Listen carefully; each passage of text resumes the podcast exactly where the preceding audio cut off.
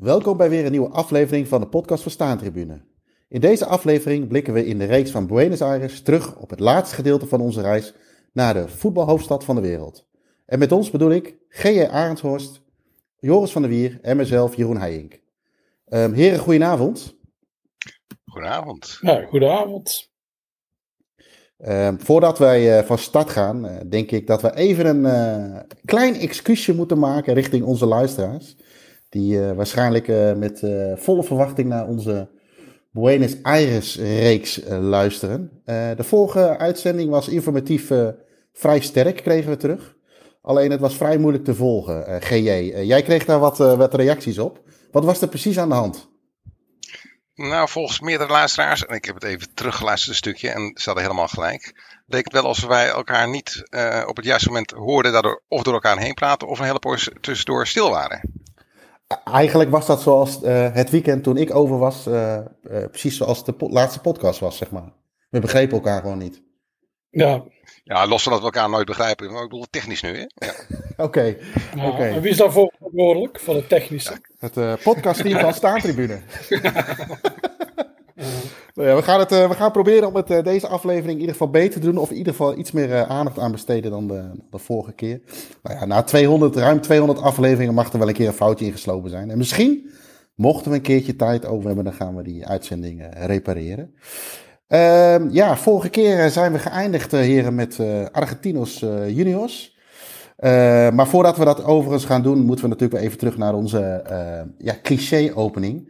Ik zit overigens met een, hip, een, een hippe dopper, met, gevuld met water. Oeh, hip. Ja, GJ, jij zwaait al met een flesopener. Ja, ja, natuurlijk. Eh, ja, zelfs de open is van het juiste merk. Ik laat hem oh, even zien, dat, niet dat de luisteraars daar wat aan hebben. En jij water en dan Joris natuurlijk die uh, uh, toestand. Nee, nee, bosvruchten nu. In een brandvat. Oh ja. Wel uit Nederland, en, maar die bosvruchtenthee nog... uit hier is niks. Jeroen, moeten wij nog zeggen wat wij zien uh, als we naar Joris kijken? Ja, misschien. Uh, uh, laten we eerst even het biertje openen. Of open jij eerst even het biertje, GJ, dan hebben we dat moment gehad. Het is, het oh, is bij deze. Ja, ik zeg ja. proost, mannen. Proost. Ja, ja als ik kijk even naar Joris. wij nemen dit online op omdat meneertje in Schotland woont en we dat moeilijk fysiek zo kunnen doen. Anders zouden de, de reiskosten bij Staantribune enorm de pan uitreizen. Uh, dus, maar we zitten, we zitten achter de laptop. We zien elkaar via de webcam. Nou ja, jij, jij ziet er gewoon uh, als een uh, callcenter medewerker uit met je, ja. met, je, met, je, met je headset. maar, kan uh, van ding zijn. ja, en als we naar Joris kijken, dat is vrij dubieus, moet ik zeggen. Kijk, bij mij zie je twee olifanten, de, de twee konten van een olifant. Daar kun je ook wat van denken. Maar ik zie jou ehm, ja, half liggend op bed. Af en toe, ik zie eigenlijk alleen je hoofd en jouw de bovenkant zeg maar, van, jouw, uh, uh, van jouw bovenlichaam, dus je schouders. En ik zie dan, voor de rest zie ik niks, ja, een bedrand. En ik zie af en toe een kat op een hele ongemakkelijke plek. Ja, die is heel lastig allemaal. Die, is, uh, die probeert die, die dingen op te eten, die oortjes. Die is heel stout. Dus ja, dus da daarom komt hij altijd langs. En hierboven heb ik, dat is van Kirsty, dat is de eerste golfpartij. Die heeft daar een poster van gehad. Ze weet niet van wie. Iemand heeft die opgestuurd. En toen dacht ze, oh ja, die hang dan maar op. Dus ja. dus het is hier niet alleen maar voetbal, het is ook golf.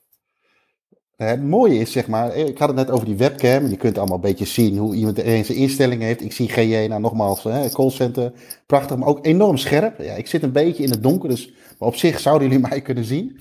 Maar bij jou is het alsof ik met een 14K4 modem zit te kijken. Ik zie alleen maar pixels. Heb jij het bij hem ook, GJ, of niet? Nou, ik, ik, blijf gefascineerd denken van, heeft hij nou echt alleen een polo shirt aan?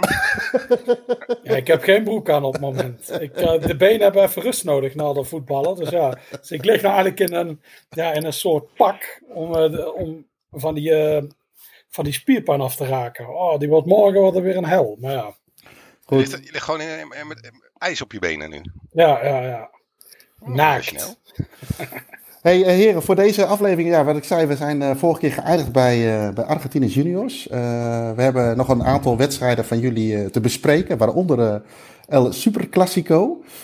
niet, niet te vergeten. We hebben een paar vragen van, van luisteraars gekregen. We hebben wat vragen van luisteraars gekregen. Daar hebben we er een aantal uitgepikt die we wel vonden dat het mooi zou kunnen passen in deze in deze aflevering van de podcast. En uh, ja, we hebben nog wat andere ja, punten die we, ja, uh, stellingen of uh, andere te bespreken punten die we ook eventjes doornemen.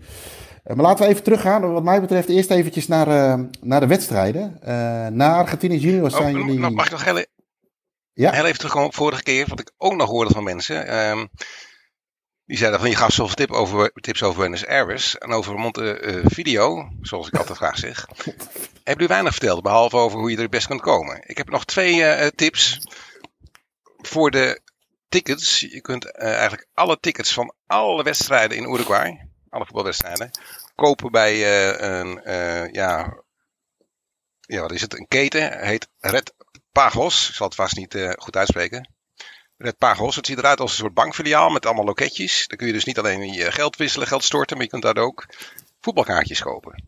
Dan krijg je wel helaas een geprint A4'tje in plaats van een oh, mooi uh, kaartje. Maar het is wel heel makkelijk, want ja, dan hoef je dus nergens meer uh, op te letten. Je, je gaat daar naartoe, koopt de gewenste kaartjes en je bent klaar. En het tweede ding, we kwamen erachter dat geldpinnen heel erg lastig is in Uruguay. Met de meeste ATM's, de meeste pinautomaten, die uh, werken niet op Europese kaarten. Behalve die van Red Brouw, R-E-D-B-R-O-U. En die vind je onder meer, gouden tip, als je met de bus vanuit Colonia het busstation uh, inloopt, beneden de hal van het winkelcentrum waar je eindigt, daar staat een uh, standalone ATM van het juiste merk. Kijk. Dat wilde ik nog even meegeven, heren. Ja. Heb jij nog daar nog wat aan toe te voegen, Joris? Uh, nee, nee, dat waren goede tips, ja. Die, volgens mij kun je kaarten ook, tenminste die wedstrijden waar wij waren, dat was geen kassa. Je moet ze echt van tevoren kopen. Dus um, ik las nu ook, er is, zijn nu weer vinkers. Dat is een andere Noorse vinker. Of wie we toevallig direct gaan hebben. Die uh, was ook naar Uruguay gegaan. Die is naar het stadion gegaan. Die kwam niet binnen. Omdat je daar geen kaarten kunt kopen. Je moet altijd van tevoren doen. Okay. In, uh, ja, in die Red Pagels winkels waar wij te waren. Krijg je echt zo'n afschuwelijk A4'tje. Maar ja, het is uh, wel handig. Ja, wat, wat is die fetish van jullie met die kaartjes? GJ? Nou, ik bewaar wel al heel mijn leven mijn voetbalkaartjes. En ja, het gaat toch niks boven een, een, eh, een stukje uh, papier wat je kunt houden. Hè? En, uh, is, volgens mij nog niet, is het al aan de orde gekomen dat we uh, bij de meeste stewards, die verscheuren je kaartje in honderdduizend oh, stukken. Ja. En dan krijg je een, een honderdduizendste stuk krijg je terug. Ja. Pijn in het hart, pijn in het hart iedere keer. Ja. En dan komt en dat... Soms heb je geluk en dan als je het zegt dat je hem graag wil houden, dan laten ze hem heel. Maar ja, waar de ja. is, nou ja, dat, dat, hoort gewoon bij mij, uh, voor, de, ja, voor mij bij de beleving van ja. uh, het gehele bezoek. Ja, dat heb jij ook. Een mooi kaartje dat heel blijft en dat mee naar huis gaat. Ja. ja, dat is eigenlijk het enige wat ik, uh, ik hoef geen programmaboekje of zo te hebben of teamsheets waar heel veel vinkers gek op zijn. Maar een kaartje vind ik wel mooi. Alleen ik heb me wel bij neergelegd dat het gewoon, ja, dat verdwijnt langzaam. Je krijgt ook vorig jaar bij de FA Cup al de vier die Forest wedstrijden zaten allemaal op mijn hoe heet dat, Google Pay of zoiets. Ja, lelijke QR-code, waar ik helemaal niks van snapte. dat is allemaal heel moeilijk. Ja, maar daar heb je niks. Dus het is echt, uh, nee, nee, dat is echt over. En allemaal fanbeleving dit, fanbeleving dat, bla bla bla. En dan doen ze wel kaartjes weg. En dan krijg je allemaal van die clowns terug op het veld, waar ik helemaal niet op zit te wachten. Maar ja, dat is moderne voetbal. Daar kunnen we weer even op. Uh, maar jij hebt er niks op tegen, want jij gaat op naar Qatar. Dus ik ben ook, ook helemaal niet verrast dat jij niks met kaartjes hebt. nee, geen nieuws natuurlijk dit. Nee, nee. Nou, maar ik moet ook eerlijk zeggen, ik heb dat eigenlijk nooit gehad. Uh, ik vind het wel leuk om, uh, als ik een kaartje heb, uh, te, te bewaren. Zoals een keer Eagles voor het eerst na 17 jaar weer promoveerde. Dat kaartje heb ik nog wel. Maar ik heb bijvoorbeeld het kaartje van de Superclassico uit 2016. En die ben ik ergens onderweg van Buenos Aires hier naartoe ben kwijtgeraakt ja, ik, ik, denk dat ja, jammer, maar het, is niet dat ik denk van het is heel erg zonde. Ik heb dat dan weer meer met uh, dat ik het liefst ergens een voetbalshirtje of iets dergelijks van mee kan nemen. Dat vind ik dan weer net even iets. Uh, en van dat moment van het seizoen dat je daar bent geweest, in, in, in dit geval natuurlijk ook van Argentinië. In uh, Europa heb ik dat wat minder. Oké, okay, ehm, even, we gaan even, weer even naar de wedstrijden. Bar Baracas Centraal tegen Lanús. Joris. Oh, je...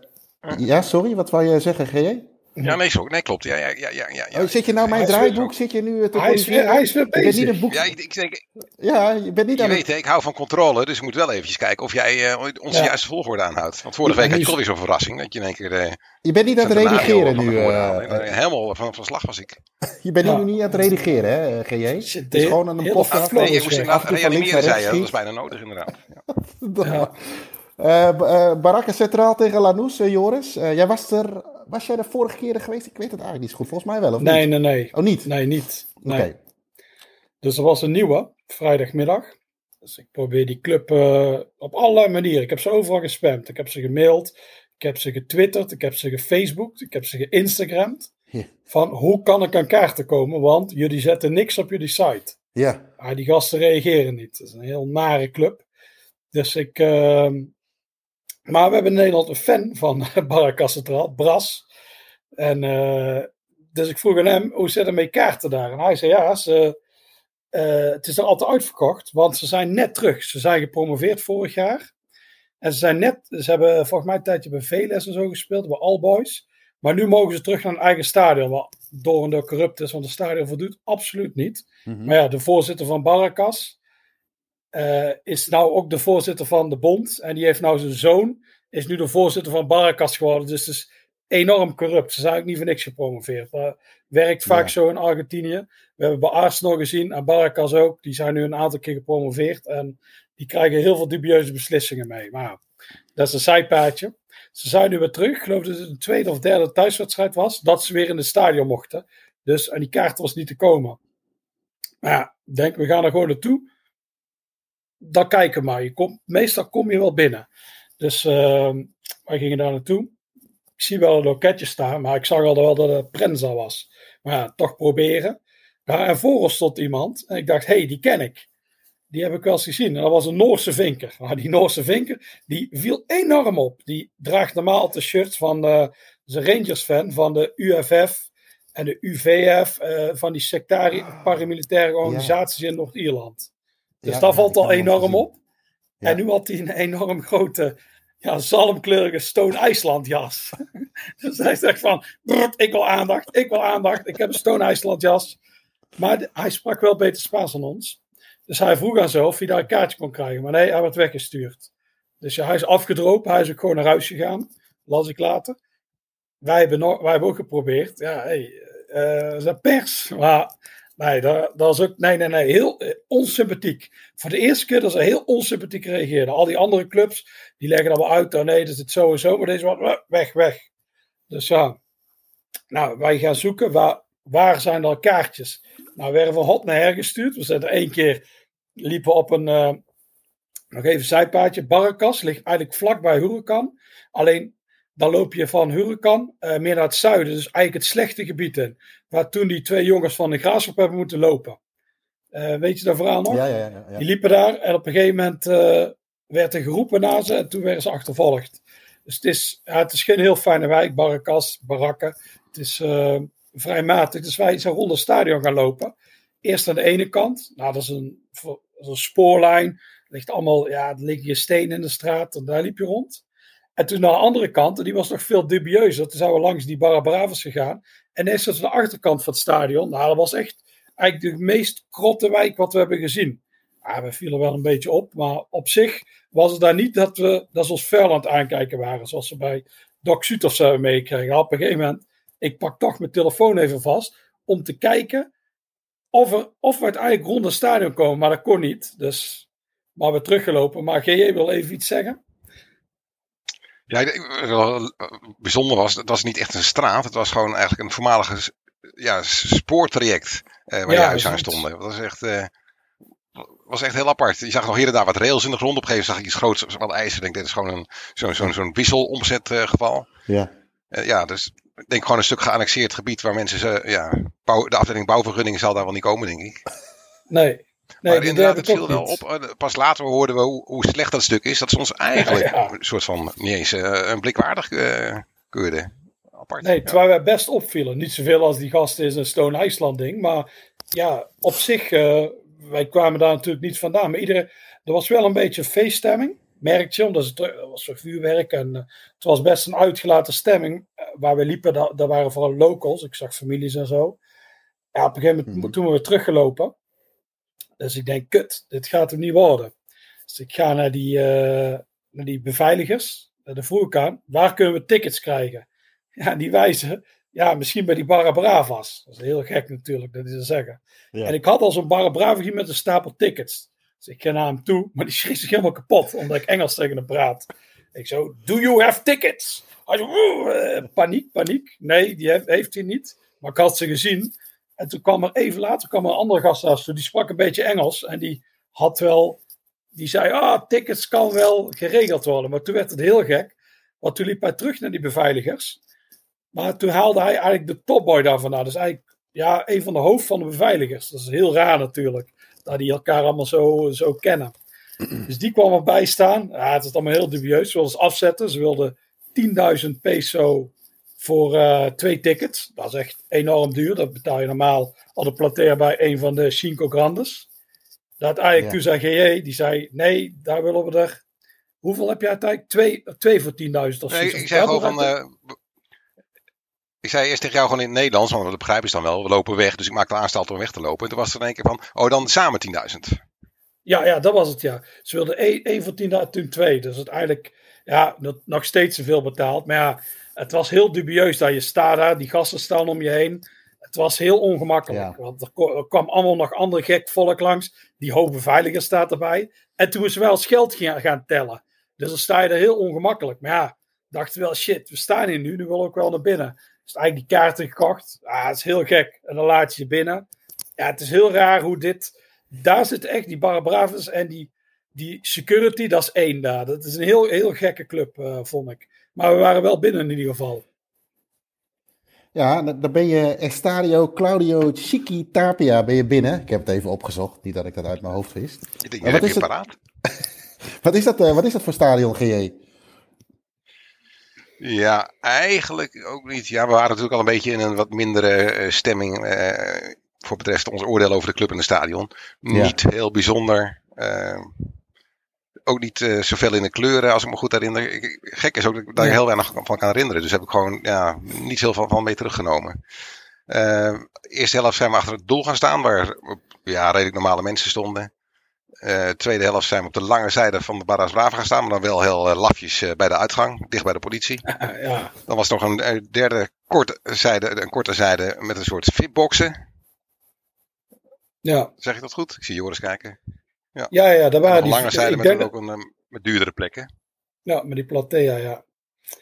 Ja, ja het, was, het stadion is. Ik heb foto's teruggekeken bij Bras. En toen zag het er leuker uit. Toen was het allemaal in de clubkleuren. Hmm. Maar volgens mij hebben ze gepimpt. Eh, het ziet er nu iets anders uit. En alles is nog grijs. Dus er is niks in de clubkleuren. Dus het komt heel on-Argentijns over.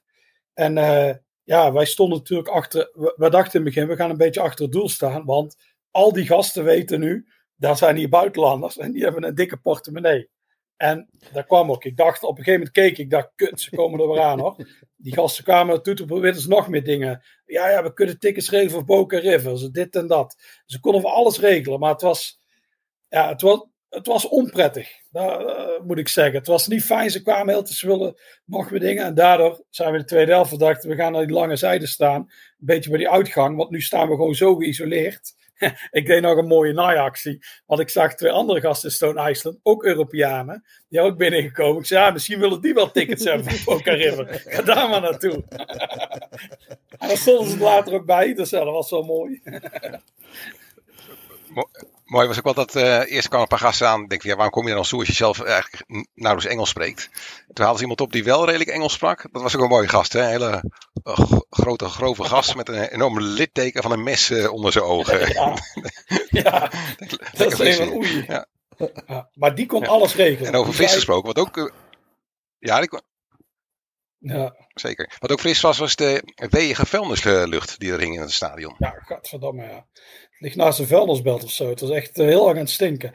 Onze, onze Zwitserse maat was ook binnen. Alleen die had het via iemand een ticket hosselaar geregeld. Dus dat was wel iets duurder. Volgens mij die van Homefans, maar dat weet ik niet zeker. En die had gewoon een ticket voor hem gehaald voor de Platea. En die maakte wel een foto van ons. Die zei, hey, ik zie jullie hier. Wij allebei heel ongemakkelijk kijken, want we hadden natuurlijk die gasten om ons heen. Hij vertelde ook later.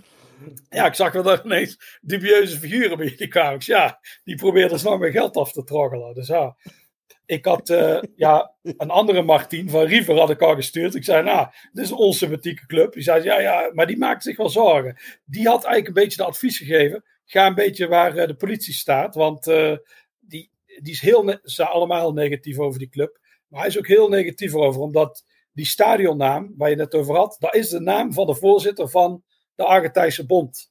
Dus ze hebben het naar hem genoemd. En het is, ja, het is allemaal heel dubieus. Het stadion voldoet absoluut niet aan de eisen. Dus iedere club moet aan eisen voldoen. Anders mogen ze niet in het stadion spelen. Behalve deze club. Die komt er weer weg omdat zij die club van die voorzitter zijn. Dus, dus uh, in Nederland kun je dat niet voorstellen. We hebben het altijd over de KNJB en dat soort dingen. Maar dat is natuurlijk niet echt zo, denk ik. Maar Argentinië is gewoon. ja, ja. Oep, Calimero met z'n op. Jawel. Ja, zo, rup, dop, ja, dop, ja, het is oké. wel zo. Maar uh, nee, het is heel, uh, heel ja, het was ook, ja, ze hadden een of andere pyro-actie van tevoren, maar die mislukt ook helemaal. dus dat is ook heel mooi. Maar die pyro, ze hadden van die rookpatten, maar die flikkerden om en het was, het was allemaal heel matig. Dus, uh, ik vond het de minste vink met afstand. Ja, want. Alles bij elkaar. Ja, GJ? Wat uh, ook erg matig was, dat ze voor de wedstrijd maar één en hetzelfde liedje draaiden. Ja, oh, dat is irritant, ja. Ja, en dan oh, moest ik even dat is opzoeken hoor, van. Los Fabulous uh, Cadillacs. Cadillacs.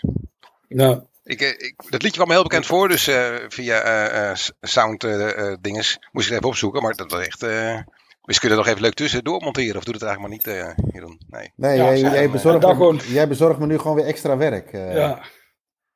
Ja, maar echt heel lang. Gewoon 20 minuten lang en de hele rust tot dat liedje. Dat zal wel de favoriete nummer zijn van die Chiki Tapia. Maar eh, Jullie zijn eh, duidelijk, overduidelijk niet geweest bij eh, Nederland-België afgelopen weekend. Want je had daarvoor de gein even in de rust in het stadion moeten blijven zitten.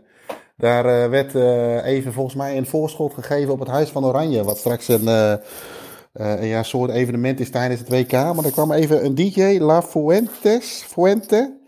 Man, man, man, die, die, die bracht me toch een teringherrie in het stadion, jongen. Keihard, keihard en, en eh, niet normaal. Maar goed, dat is, zal het tegenwoordige voetbal zijn. Eh, ik wil even een bruggetje maken. Eh, eh, ik, heb nog één, ik heb één positief ding te melden over Oh, toch nog wel. Dat is namelijk dat je vanuit het stadion de toren van het stadion van de Huracan kan zien. ja, dat is leuk. Ja, ja, ja. Dat is het enige wat leuk is. Voor de rest Ja. hebben we eigenlijk al veel te veel woorden eh, besteed aan deze club. Die staat Ja. duidelijk op nummer laatst. vind Volgende. ik het Oh. een... ja, niet nummer laatst, Joris. Nee, want er zijn gluurburen. Je hebt daar, het ligt naast, je, naast de rails. Dus je hebt er zo'n brug, eh, die kun je over, zo'n eh, loopbrug. Volgens Google Maps bestaat die niet, maar die is er nog steeds. Dat zal wel een heel eh, matige brug zijn. En daar stonden mensen gratis te gluurburen. Dus stel je komt niet binnen, dan kun je op die brug staan. En je kunt gewoon inchecken in de voetballetje app. Dan krijg je helemaal geen commentaar op. En dan kun je zeggen dat je er bent geweest. Dus ja, en helaas, ik was gespeeld tegen Lanús. Ik hoopte dat Lanús zou winnen. Maar helaas wordt het 2-0, want die club, ja, die club gaat ook niet degraderen. Daar zijn we voorlopig niet vanaf. Maar eh, ik zou er een negatief advies over geven. Het is een gevaarlijke buurt. Eh, het is gekloot met die tickets. En het is niet echt een leuke club.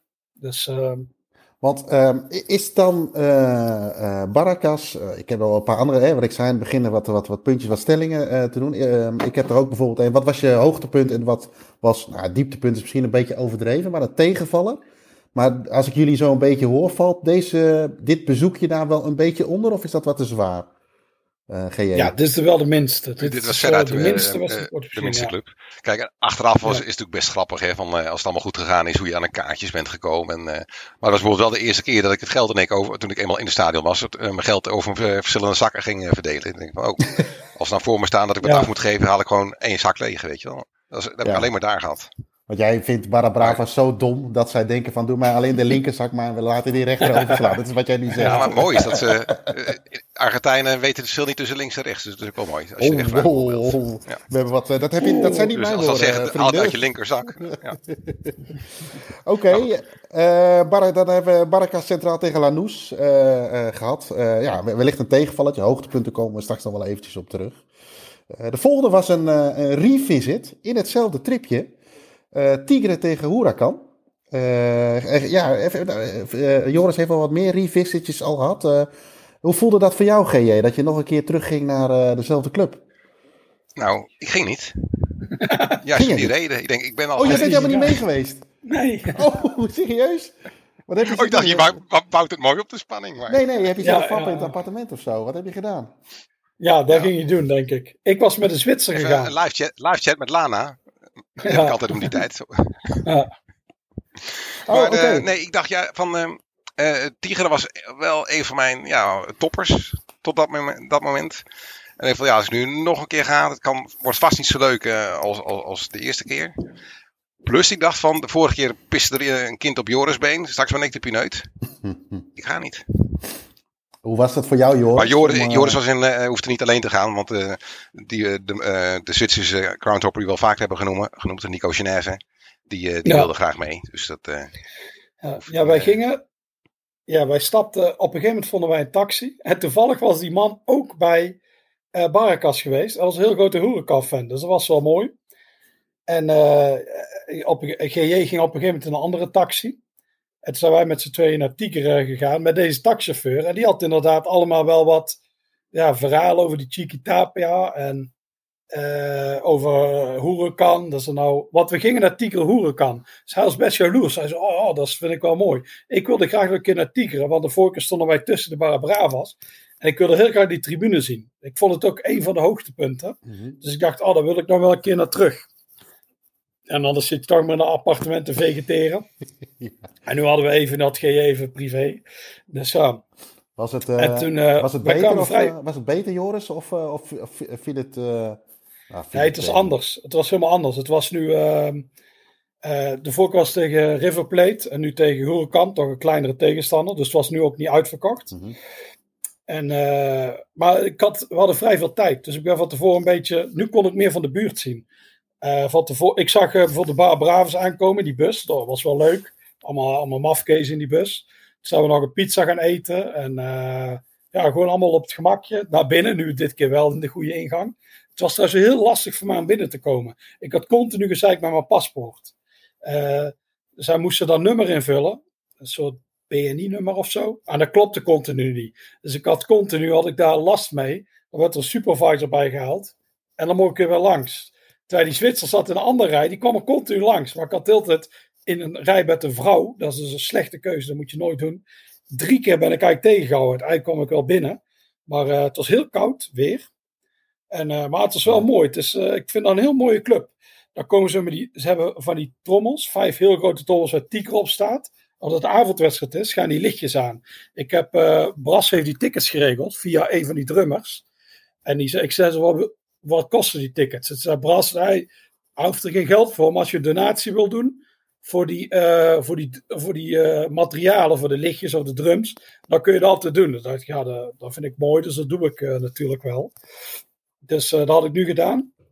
En eh, ja, het is gewoon, ja, de ESP is een hele bak herrie. Het lijkt een beetje, Tiger heeft, voor mij lijkt het wel op San Lorenzo, maar dan in het klein. Het zijn diezelfde kleuren. Die tribune heeft een beetje dezelfde vorm. En eh, ja, ja, ook eh, veel originele liedjes en zo. Ik vind het, eh, ja, is echt wel een heel leuke club. En aan de rand merkten we weer van, het is een heel veilige buurt. Je loopt rond en ja, het is gewoon heel relaxed daar. En we hebben op een taxi gewacht en toen zijn we weer teruggegaan naar Buenos Aires.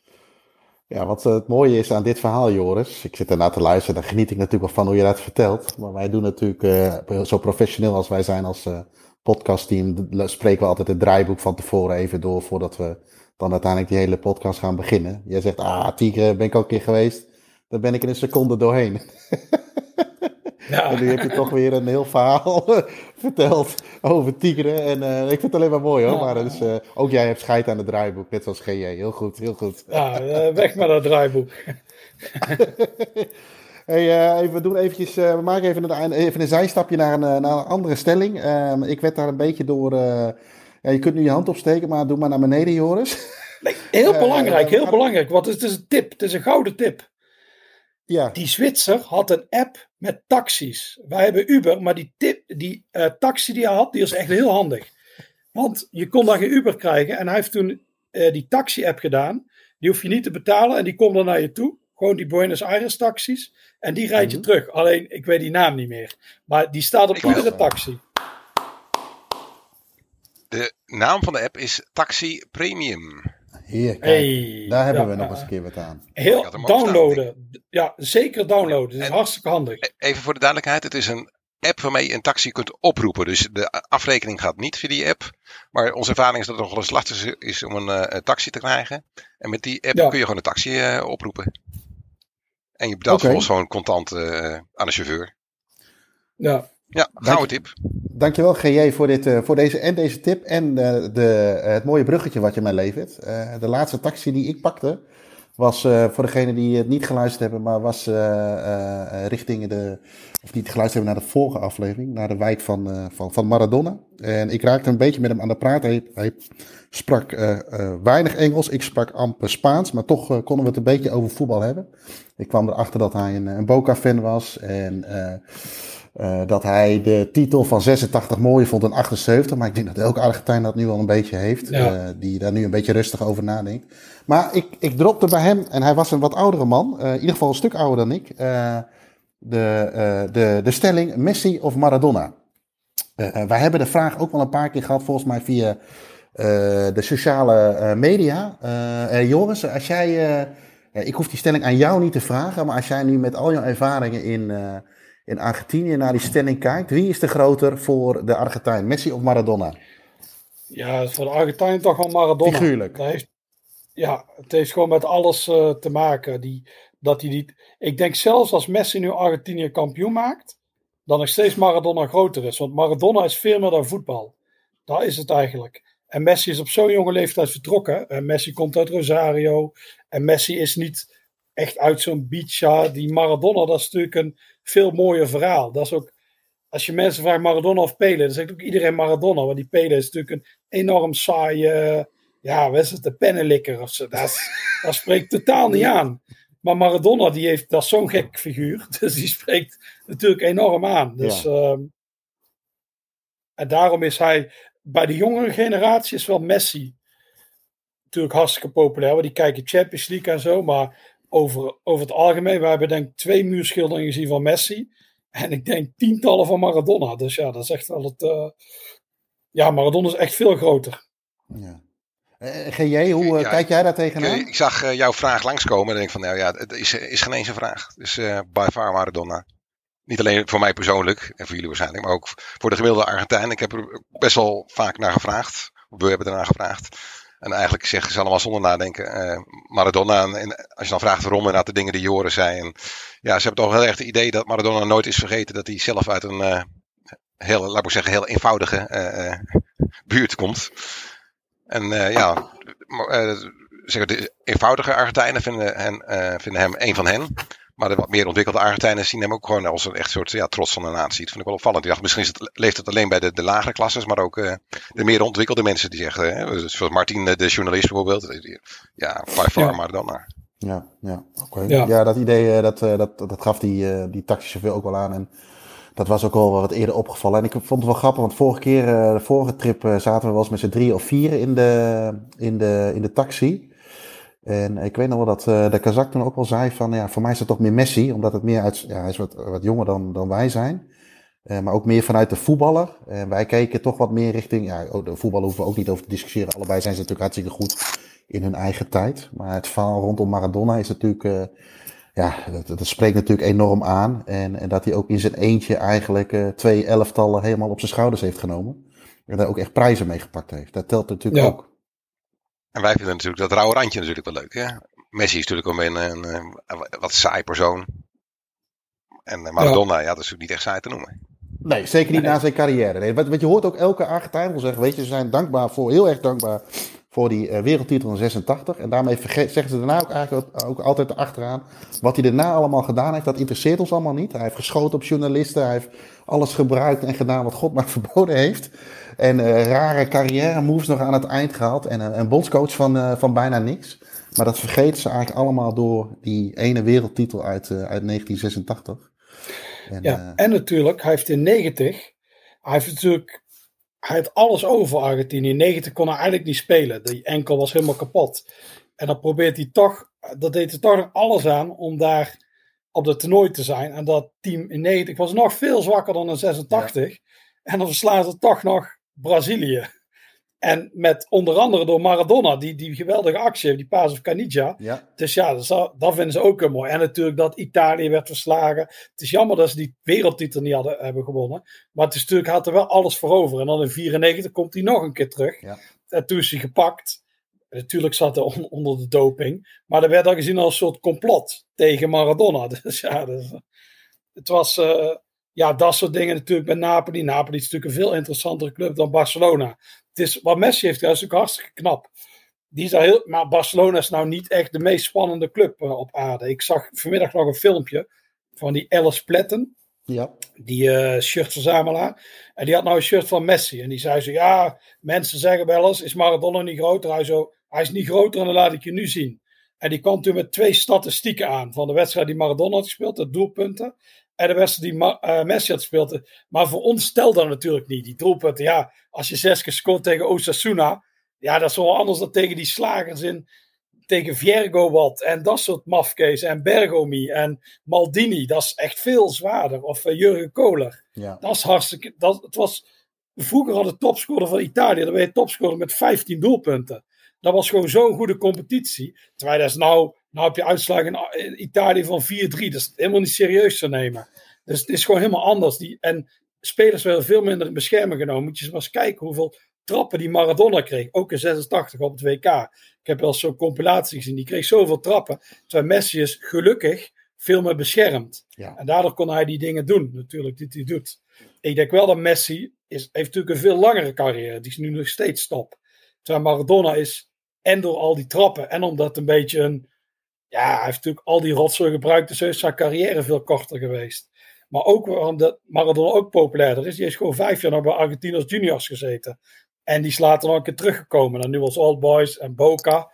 En eh, misschien dat Messi, stel Messi maakt ze nu kampioen. En die gaat terug naar als Old Boys. Ik denk dat zijn populariteit dan wel enorm gaat stijgen. Maar uiteraard gaat hij gewoon in de MLS spelen. Want dat is de makkelijke keuze. Helaas. Ja, en het was overigens, eh, zag ik eh, door een tweetje van Staantribune drie dagen geleden. Het is vandaag 27 september 2022. Eh, was het in 83 inderdaad, als je dan toch over tackles hebt. brak Maradona zijn, zijn en- enkel naar een horror tackle tegen, tegen die slagers, zoals jij dat mooi noemt. Maar dan in dit geval uit, uit Bilbao. En Ja, je moet voor de gein dat filmpje maar eens terugkijken. Dat is echt, echt bizar hoe die, hoe die daar gepakt werd. En dan heeft hij later ook nog wel eventjes... In een, in een bekerwedstrijd heeft hij dat volgens mij nog een keertje rechtgezet tegen dezelfde slagers. Dus dat, eh, ja. daar kwam hij nog even verhaal halen. Eh ga jij, eh, je, wat... eh, Ja, nou, nog één dingetje over Maradona. Joris zei het al, we hebben misschien twee doeken slash murals van eh, Messi gezien. En eh, niet tientallen, maar honderden en honderden murals en, en eh, spandoeken van eh, Maradona. We vroegen nog een aantal mensen van, was dat eh, altijd al zo dat eh, Maradona zo populair was, dat hij zoveel afbeeldingen had? Nou, die populariteit was wel zo, maar na zijn overlijden zijn eigenlijk al die murals en, die, eh, en doeken gekomen. ja. ja, het is een stuk groter en waarbij het ook opvallend is dat je het bij eigenlijk eh, vrijwel bijna alle clubs ziet. Dus ook daar waar Ja. hij niet eh, trainer of speler is geweest, ook daar dragen ze hem op handen. Ja. Ja, alleen dan eh River Plate Eh, niet. En eh Estudiantes vanwege Gymnasia en Rosario Centraal niet. Zij, eh, zei ze. Maar de rest zie je hem inderdaad echt overal. Hij zegt overal, overal Maradona. Dus ja, zelfs bij Huracan als nog een spandoek hangen van waar wij de vorige keer zagen, wat toen aan die toren hing, Ja. hangt nog steeds op de tribune. Het, het zou overigens kunnen zijn bij Rosario Centraal dat ze het wel hebben, maar dat die, eh, dat die boksen ervoor staan. Hè? Dus ik weet niet of je dat... Oh, ja, ja, ja. Eh, die geluidsboxen dat die ervoor staan. Eh, terug naar, naar de wedstrijden. hè. Zaterdag 10 september 2022 hebben jullie een, een dubbel gedaan. Ik hoop dat ik het voor GJ in de juiste volgorde doe. Maar ik wil graag even beginnen met de Club Comunicaciones. Die speelde tegen Atletico Phoenix, als ik het goed uitspreek. GJ, wat kun je daarover vertellen? Wat, wat voor club is het? Wat, wat, hoe was het bezoek? Dat was eh, weer een heel andere club. Die kwam Ja, van heel diep. het blijft gewoon dat je eigenlijk iedere keer denkt, dat is weer een heel andere club. Ja. Dit was echt een hele kleine familiaire club. We waren daar met, eh, met eh, een, verwarrend ook voor ons hoor, met een Martin, maar dan de, de journalist en eh Rieberven. Eh een van zijn kinderen heeft daar ook gevoetbald, dus hij eh, kent de club heel goed, komt er vaak, woont daar ook eh, eh, in de buurt. Was het niet de club van zijn vrouw eigenlijk, of?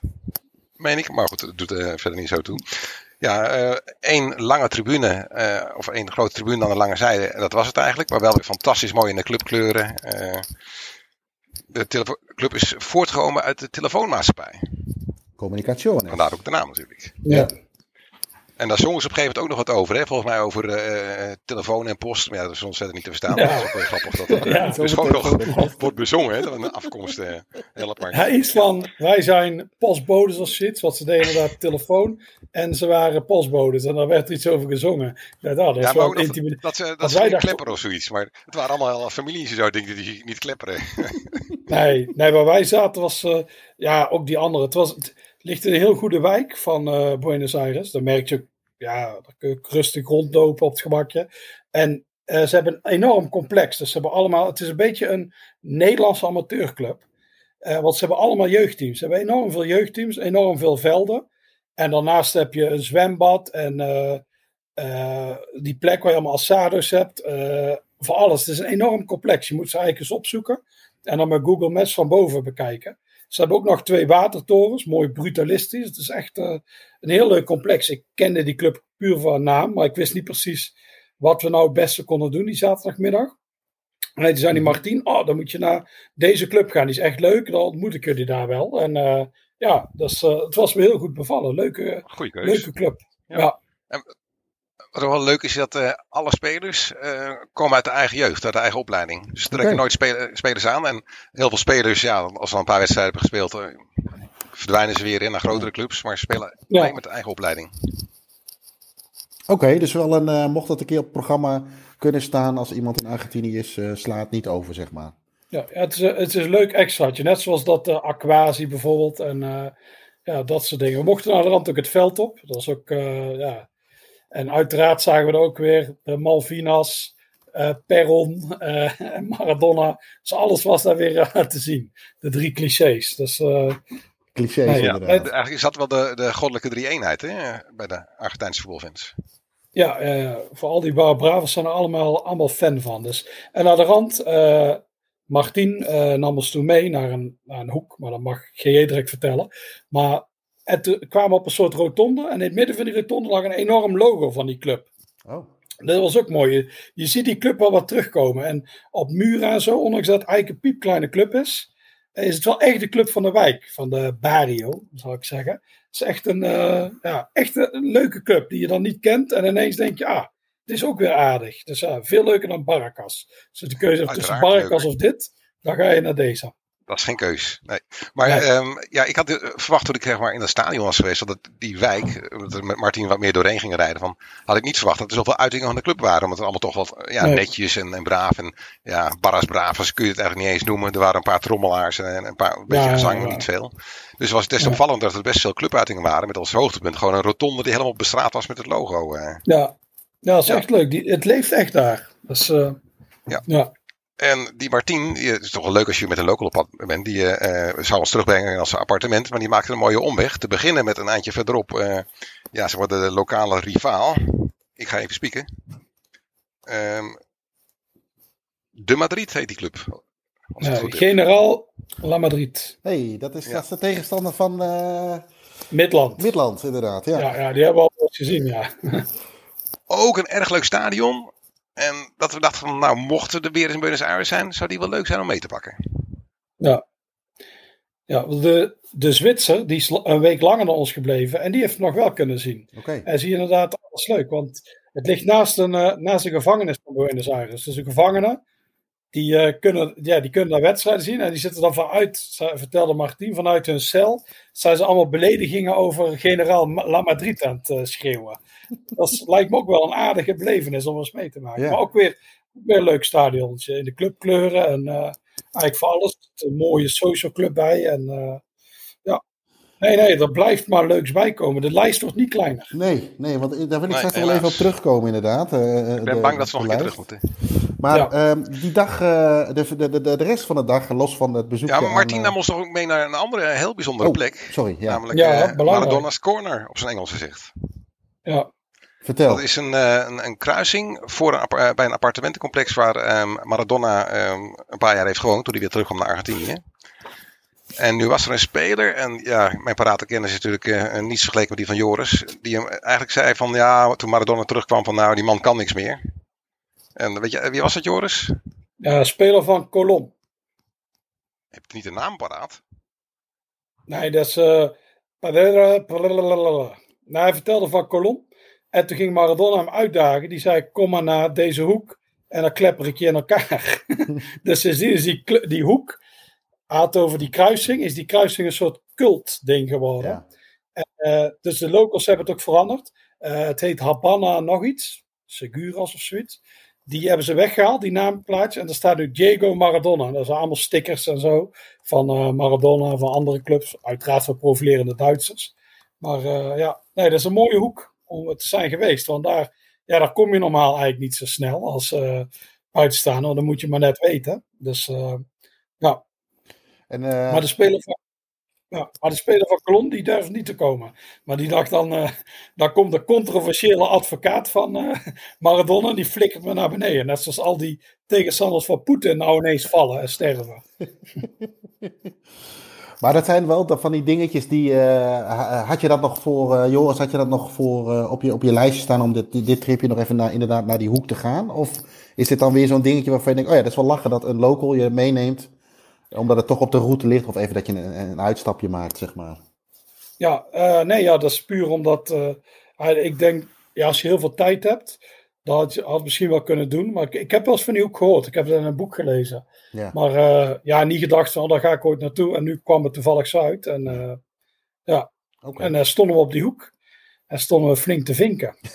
Zo is dat. Oké. Ook weer gedaan.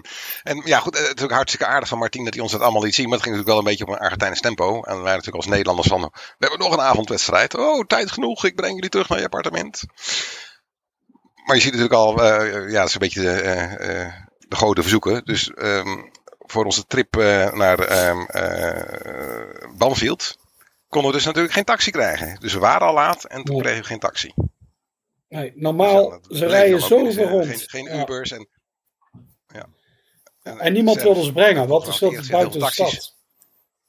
Precies, heel veel taxi, gewone taxichauffeurs willen niet buiten de, de stadsgrens, waar het nee. stad, stad Buenos Aires overloopt in de provincie Buenos Aires.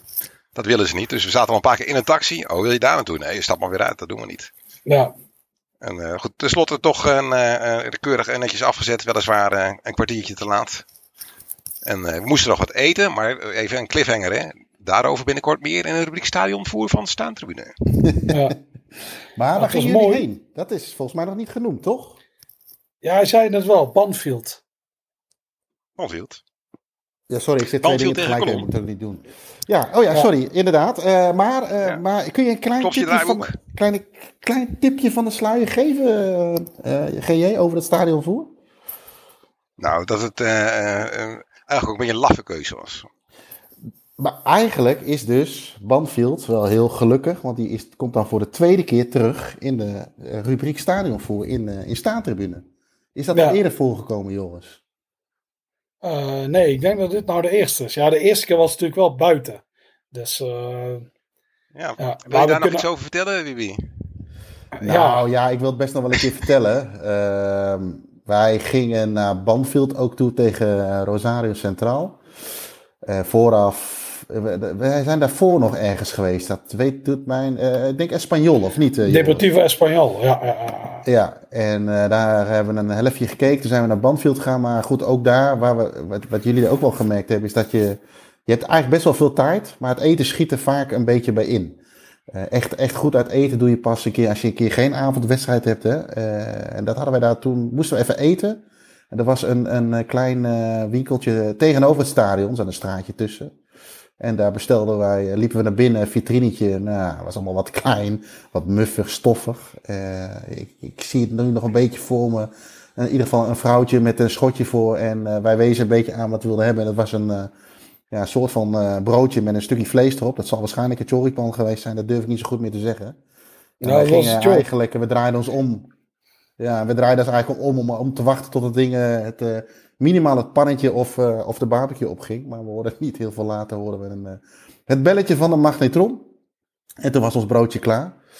En uh, ja, Joris, jij hebt hem volgens mij niet opgegeten, denk nee, ik? ik heb één... één, één. maar gelukkig was er ook iemand bij zonder, iets van. Schaamte. die het eigenlijk niks uitmaakt. En die heeft hem wel opgevreten. Nee, dus dat was, uh, was, uh, was, uh, was wat minder. Maar dat heeft uiteindelijk wel de rubriek gehad. Dus het is mooi dat ze nu nog een keer gaan halen. Maar wat kun je vertellen over Banfield zelf, GJ? Nou, het stadion is een van de meest bizarre stadions, denk ik, waar ik ooit ben geweest. Het is vrij recent. Maar alsof ze dronken waren op de, bij de tekentafel. Er zitten allemaal rare stukjes en hoekjes die je normaal gesproken hebt in een stadion dat in fases is gerenoveerd en verbouwd. Dan hou je, weet je, rare hoekjes over aan het einde en zo. Maar dat, dit is dus gewoon nieuw en heeft hetzelfde. Met uh, aan één korte zijde is een tweede ring. Die is, heel klein, maar extreem stijl. En waar we dan weer uh, opvallend is, dat, dat ze er maar vijf rijen stoelen op hebben geplaatst. Terwijl er wel plek zou zijn voor tien rijen. Dus ik vond het heel bizar. Wat vind jij, Joris? Ja, het, inderdaad een nieuw stadion, maar inderdaad wel leuk. Dat vond ik de vorige keer ook al. Dus uh, ja, nu had ik weer. Ik dacht, hé, hey, dit is wel leuk om weer een keer naartoe te gaan. Want uh, het is gewoon een gek stadion. Die gekke hoeken met, er staan twee van die torens. En uh, ik wilde eigenlijk dit keer op een andere tribune zitten. Vaak als ik terug ga naar een stadion, maar we zaten zo, we moesten gewoon kaart hebben. We kwamen veel te laat aan. Maar die taxichauffeur, die, die naaide nog wat olie op vuur. Want die zei, ah, ja, die uh, kassas gaan dicht. Vlak na de, na de Westerse stad. Dus shit, we komen niet meer aan kassas. Of niet meer aan kaarten. Dus ja, maar uiteindelijk iets gevonden. Toen maar snel kaarten gekocht. Dus we zaten nu op exact dezelfde tribune als de vorige keer. Nou, qua uitzicht wel mooi, omdat je weer die enorm schuine tribune zit en zo. En uh, het was weer volle maan, ook gek. Twee keer op rij. Maar uh, ja, nee, het was uh, maar wederom wel leuk. Het zit niet heel vol daar, maar uh, nee, best aardige sfeer. Uh, gek stadion. Groen zie je niet zo vaak. En nee. ja. Nee, nee, nee. En wat doelpunten zelfs nog gezien. Toevallig ja. tegen Colom. Dus de Maradona-haters. Ja. En nou, nee, uiteindelijk, ik was blij dat we weer binnen zijn gekomen. Want het is toch wel balen dat je daar bent. En dat je niet meer binnenkomt. Nee, dat, dat, is zeker waar. En ja, ik, ik, ik, ken wel wat jullie zeggen. Ik vond het ook wel verrassend leuk. Uh, ja, verrassend leuk stadion. Daar maak je het een beetje klein mee. Dat, zo bedoel ik dat niet. Maar uh, het was wel. Uh, ik, ik had er niet zoveel verwachtingen van. En het was.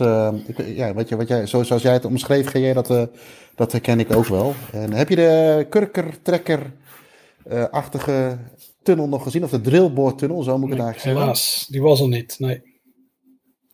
Dus jij hebt hebben... geen geluk gehad met die tunnels. Nee, nee, nee. Ik moet alleen voor de tunnels moet ik al terug begrijpen. Ja, ja. ja. de eerste Maradona alleen de stier. niet, de drillboortunnel niet. Alleen ja. bij nu even Chicago. Oh, die stier erbij. Ja. ja, dat is de enige. Nee, de tunnels okay. lijkt, lijkt, lijkt een beetje nou over. aan de staat van de club. Ja. Um, wederom een, een ja, uh, communication is leuk, Bandfield leuk. Uh, ja, eigenlijk heeft Buenos Aires dus uh, heel veel leuke dingen. Um, ik wil er nog even een beetje ingooien. Um, ik vind, uh, nou, ik zei het in mijn intro al, Buenos Aires, uh, voetbalhoofdstad van de wereld. Uh, wordt ook vaak gezegd over, over Londen, ook door de vele clubs. Bakermat, Engeland, van het voetbal. jullie hebben, nou ja, Joris die kent denk ik heel het Verenigd Koninkrijk wel uit zijn, uit zijn hoofd. Maar GJ, je hebt nu ook mogen, ja, toch wel ruim mogen proeven aan Buenos Aires en een beetje de Argentijnse cultuur. als jij nu een keuze moet gaan maken, Londen of Buenos Aires? Alweer een hele makkelijke vraag. Ik uh, stel alleen maar makkelijke vragen. Ja, open ja, deuren. jij denkt van een beetje dommige man, laat ik maar, laat ik maar makkelijke vragen stellen. Ja. Maar ja, uh, Buenos Aires voor mij. Ik vind dat, uh, ja, daar leeft het voetbal echt, zit het echt in, in de mensen. En nog veel clubs met oude stadions. veel, vaak met een rauwe randje. En in Londen is toch, ja, zeker op de hoogste niveaus, veel gelikt tegenwoordig. Uh, ik zou bijna zeggen veel toeristen, maar dat zijn wij natuurlijk in Buenos Aires. Dus dat, uh, dat knippen maar uit. Um, ja, en uh, nog een praktisch nadeel. In Londen is het dan vaak wel lastig om snel van de ene club naar de andere te gaan. In Buenos Aires, terwijl het ook heel groot is, is het vaak wel wat makkelijker om van de een naar de ander te gaan. Ja. In korte tijd. Dus dat is nog een praktisch voordeel. Ja. Joris, Joris, is het, is, het is, het, is het realistisch om ze te vergelijken? Want het zijn wel twee hele nee. aparte steden natuurlijk. Of, die, uh, verschillende steden, zo moet ik het zeggen. Ja, daarom. In Buenos Aires dan kom je het inderdaad overal tegen. Je hebt uh, al die restaurants met die voetbalshirts. Die, ja, je hebt al die uh, Parisias, waar je het ook weer hebt. Iedere club heeft. Bij Alba, die bij Albas hebben we niet gezien, maar die was bijvoorbeeld dicht.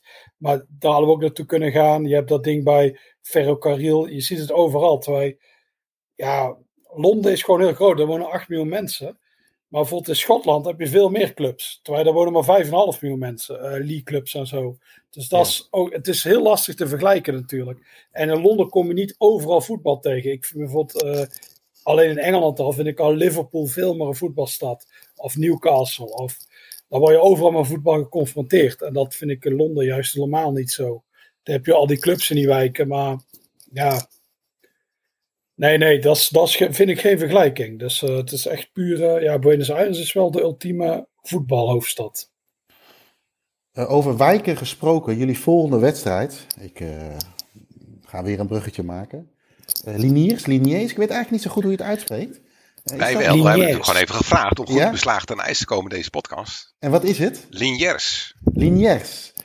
Ja, je zegt de J. Liniers, oké. Okay. Um, is onder andere vooral bij mij bekend van uh, onze avonturen bij uh, Felix Sarsfield in een pizzeria. Uh, wat eigenlijk gewoon een drankhol was. Maar uh, jullie zijn naar het kleine broertje geweest, moet ik het zo omschrijven? Of Joris? Of is dat niet ja. helemaal waar wat ik nu zeg? Nou ja, ze komen wel oorspronkelijk uit die wijk, maar ze zijn net zoals zoveel andere clubs, spelen ze nu buiten de stad.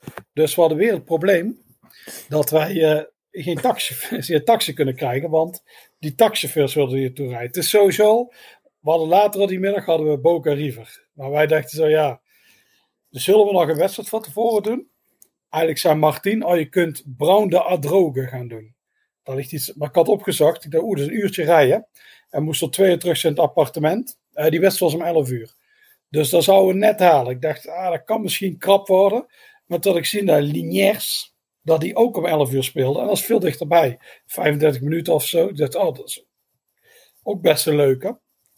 Dus gaan we daar naartoe. Nou, een taxi gevonden die het daar naartoe bracht. Uh, mm-hmm.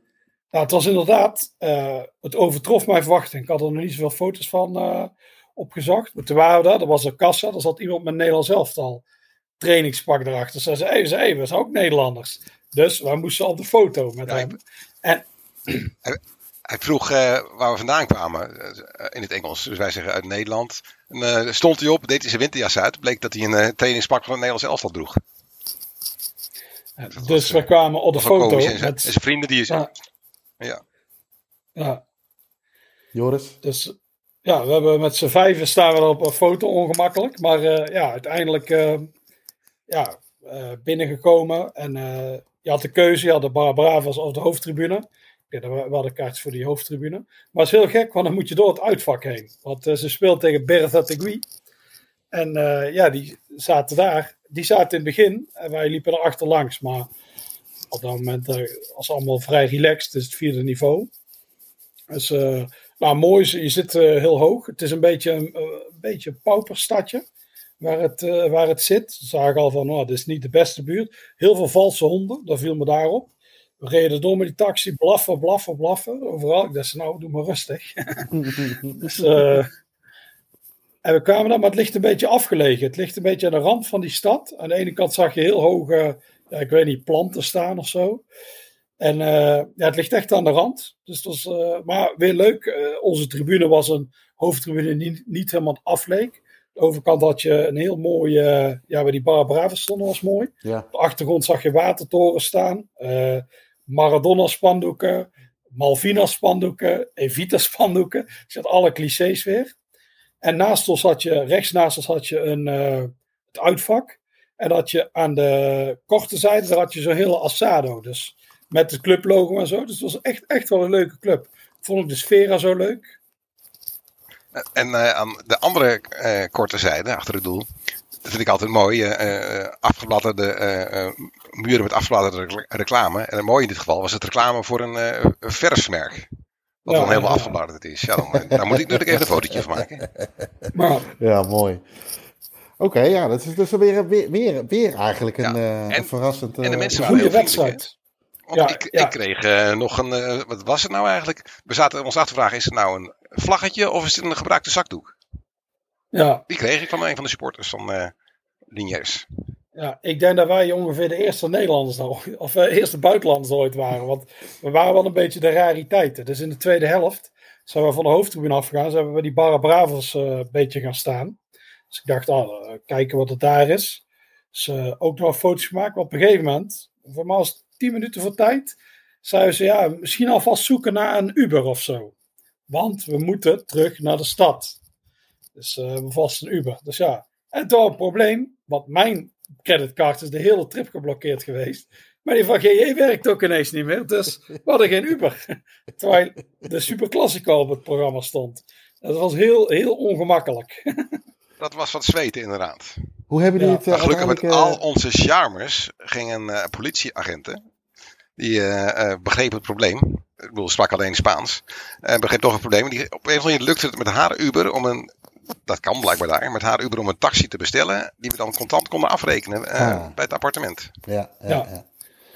Dus daar waren we het duurde wel, ja, want het duurde wel lang. Op een gegeven moment wel, we, ja, die wedstrijd was heel goed. We hebben echt een paar heel mooie doelpunten gezien. Dus het was echt van, oh wel mooi.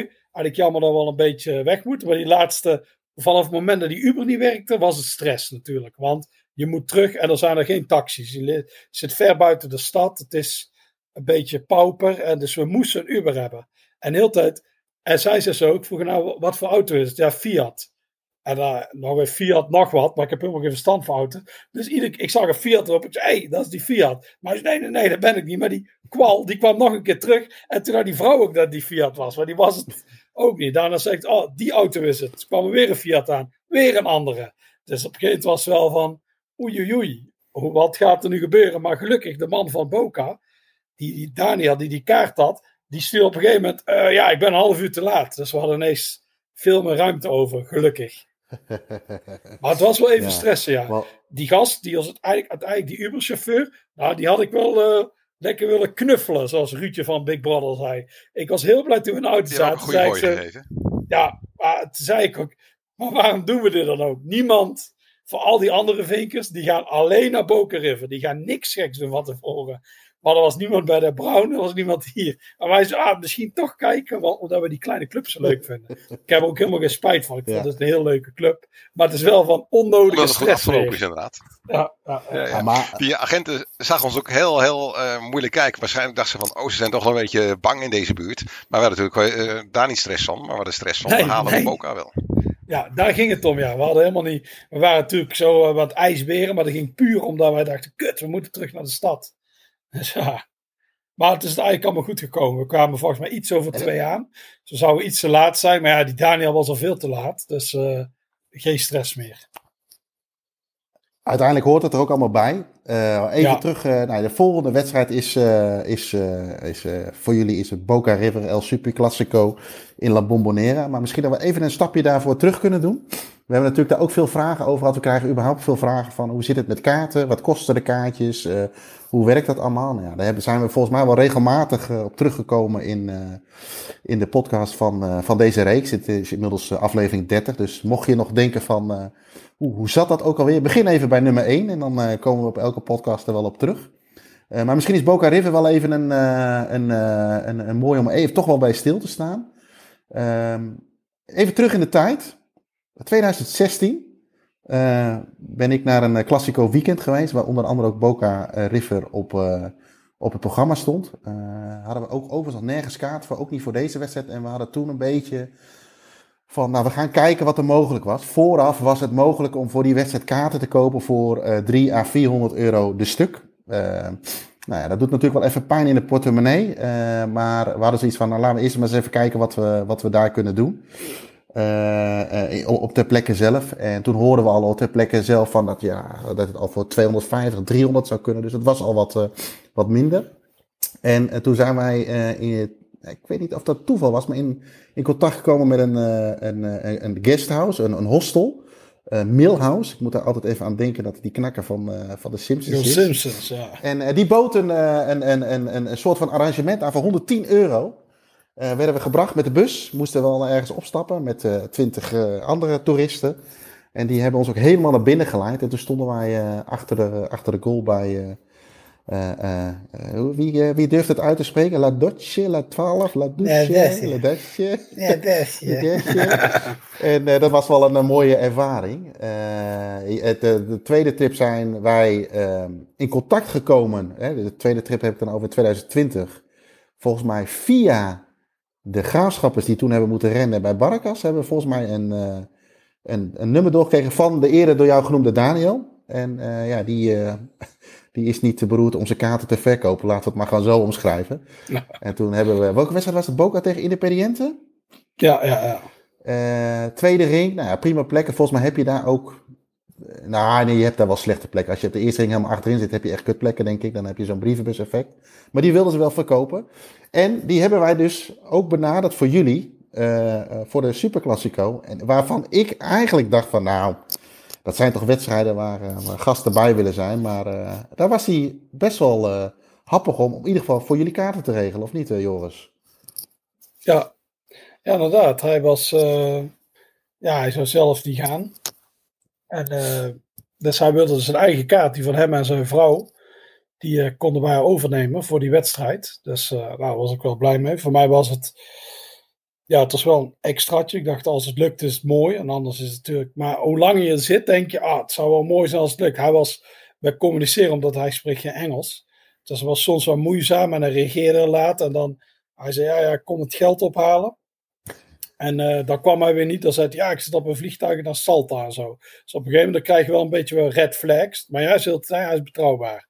Dus... Uh, en volgens mij heeft Ron Koppers en zo, die zijn ook met hem toegegaan. En dan de graafschappers. Dus je hebt genoeg mensen die. Uh, zat heel dingen. Op een gegeven moment komt hij bij ons appartement. Maar het is heel dubieus.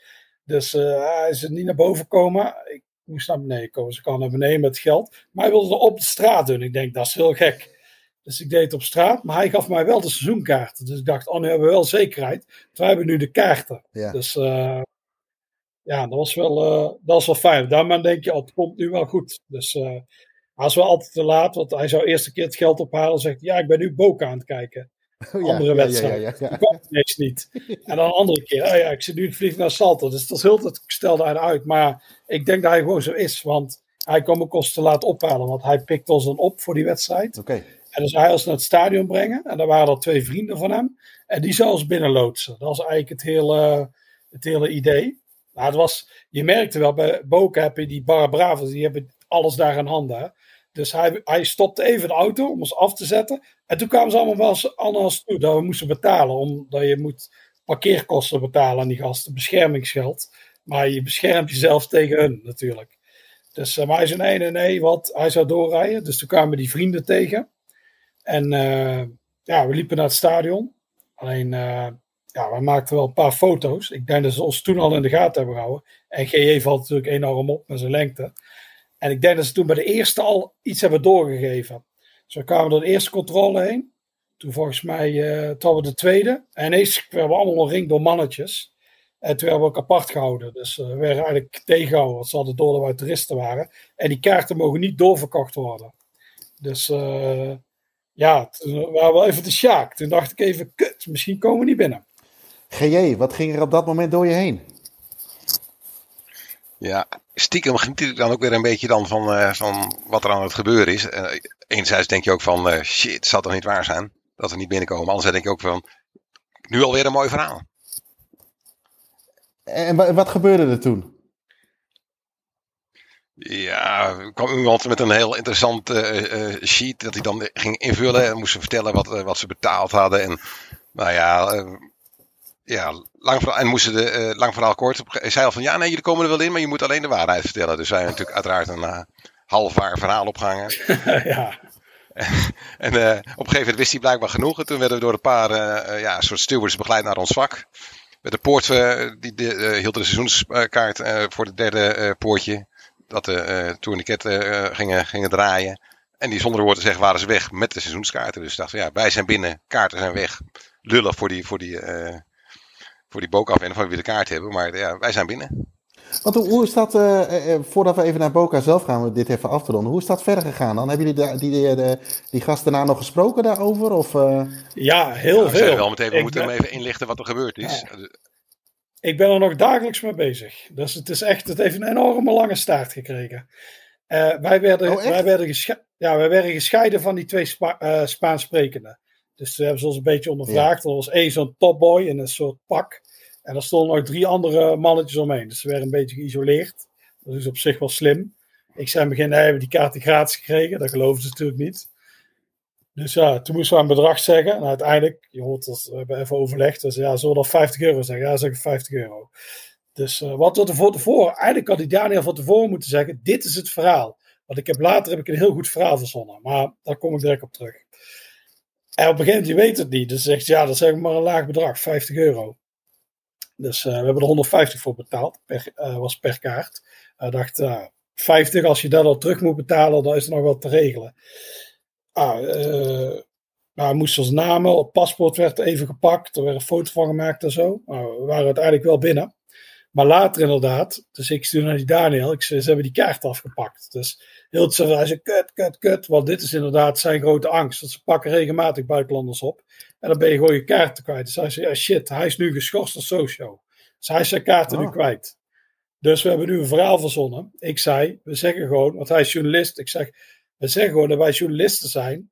En jij hebt mij uitgenodigd voor deze wedstrijd. En zodoende heb ik die kaart gezegd. En ik heb gezegd, we zijn onder druk gezet. Ja. Dat wij, want ze hebben het opgenomen. Hè? Dus ik zeg, je hoort mij ook zeggen in dat ding. Ik zeg, ik ben een journalist. Dus we hebben die kaarten gratis gehad van die Daniel. Dan hoor je mij zeggen op dat bandje. Dus op een gegeven moment zeg ik, nee, nee, nee, dat geloof ik niet. Je moet het bedrag zeggen. Dus dat verhaal wat ik had gestuurd van we zijn al druk gezet, dat klopt wel een beetje. En dat is nu het verhaal. Dus ik ben nu, maar die Daniel is heel druk. Dus die stuurt iedere dag, oh, heb je ze nog een keer gemaild? Dus ik heb ze nog een keer gemaild. En nu heb ik weer, ik heb honderdduizend bokenadressen nou van de, de commissie die over schorsingen gaat, dit en dat. Ja. Dus ja, en hij heeft er zelf een heel groot verhaal over gemaakt. Hij heeft gezegd, ja, hij heeft naar Boken gestuurd. Dus, ja, mijn uh, schandalig hoe jullie maar buitenlandse gasten hebben uh, gedaan. En ik ga je met een landelijke pers en dat soort verhalen nu. Maar hij heeft nog steeds deze kaarten terug. Dus, uh... Want neemt hij, neemt hij jullie daarin iets kwalijk? Of is dat door jouw verhaal of door jullie verhaal helemaal niet aan de orde? Nee, hij neemt ons niks kwalijk. Ik denk dat hij had van tevoren ons duidelijk moeten vertellen wat we moesten zeggen. Ja. Want dit is nu heel onduidelijk. Het verhaal wat ik nu uiteindelijk heb verzonnen, dat hadden we van tevoren moeten afspreken. Maar ik dacht, wij komen de vorige keer, kwam ik vrij makkelijk binnen bij die begeleiders. Ja, want ik, ik ben vorige keer dan via hem uh, uh, ook binnengekomen, of via kaart. Ik moest me toen, overigens, ik moest toen via Western Union geld overmaken. Uh, dat was ook wel, dat ik, oké. Maar goed, dan, dan kan hij het zelf oppikken, dus dat vond ik op zich wel goed. Maar ik had toen nog geen kaarten. En toen ben ik de, op de dag van de wedstrijd, uh, moest ik me op een bepaald tijdstip ergens melden. Toen zei hij wel van, ik ben er zelf niet. Dat was ook een beetje vaag, want hij was er later zelf weer wel. Dan zat hij gewoon achter me. Uh, nou, dat is gek, uh, en, en, toen heb ik ook, ook Tune heb ik toen ontmoet. Teun, is ook wel stadiongebod genoemd op de, op de socials. Maar toen werden wij ook opgepikt door een Spaanstalig iemand, waarschijnlijk een maat van hem. Ik ben bij, ik weet niet of ik twee of drie poortjes had, maar ook bij het tweede poortje ging er bij mij ook iets mis. Maar toen sprong die, uh, die gast die mij binnen uh, uh, moest brengen, die sprong er meteen nou, tussen. Maar die zei iets tegen die gozer. En ik, ja goed, ik kon dat niet zo verstaan. En toen kon ik gelukkig wel doorlopen. Maar het gebeurt dus al vaker dat men toch wel, ja, bij mij geldt dat hetzelfde, weet je. Je houding, alles verraadt dat jij daar niet elke week komt. pikken ze er toch inderdaad mensen uit. Maar dan heeft hij dus blijkbaar toen ook al wel een beetje geluk gehad. En is hij nu eigenlijk voor het eerst echt tegen de lamp gelopen. Want we hebben, we hebben zijn, ik heb zijn nummer wel vaker doorgegeven aan mensen die. Heb ik hem uiteraard wel eerst even gevraagd of hij dat goed vond. Maar uh, aan mensen die naar Boca wilden. Uh, ik zei van nou ja, die, die, die gasten kun je gewoon vertrouwen. Die help je gewoon naar binnen. Maar het gaat dus ook wel eens mis. Ja, ja de vorige keer toen ik er was. Voor hem ging het mis. Wij waren binnen. Ja. De, vo de vorige keer was een groep die heel erg opviel. Er waren vier of vijf Noord-Ieren. Maar die waren allemaal aan het schreeuwen. Dus die pakten ze eruit. Ik dacht, ja, dat soort gasten pakken ze eruit. Dus ik had niet verwacht dat ze ons eruit zouden pakken. En wat ze nu slim deden, de vorige was er ook iets toen. Ik was er die groep, die twee Canadezen en die Amerikaan. Die, die Amerikaan werkte die kaart niet, dus die ging rood. Dus die ging allemaal zo bij gillen. Maar toen kwam heel snel die begeleider bij. En die zei, woep, door, door, Ja. doorlopen. En, eh, maar nu werden die, inderdaad die Spaanstaligen werden meteen van ons gescheiden. Dus dat deden ze heel slim. Zodat die zich niet meer, die mochten zich ook niet meer bemoeien. Ja. Dus, maar die zagen we later wel weer in het stadion. Dus die zijn, wel, die zijn ook binnengekomen. Alleen ja, die Daniel zit al met zijn kaarten, dat hij die nog steeds niet teruggeeft. Dus, eh, Ja. Maar hij zegt het is allemaal politiek, want hij is vijand van de huidige bestuurders. En dan zegt hij dat daar iets mee te maken heeft. Maar het is inderdaad, het is wel link. Het lijkt wel of ze echt meer mee bezig zijn nu weer. Dus dat ze echt bij Boca.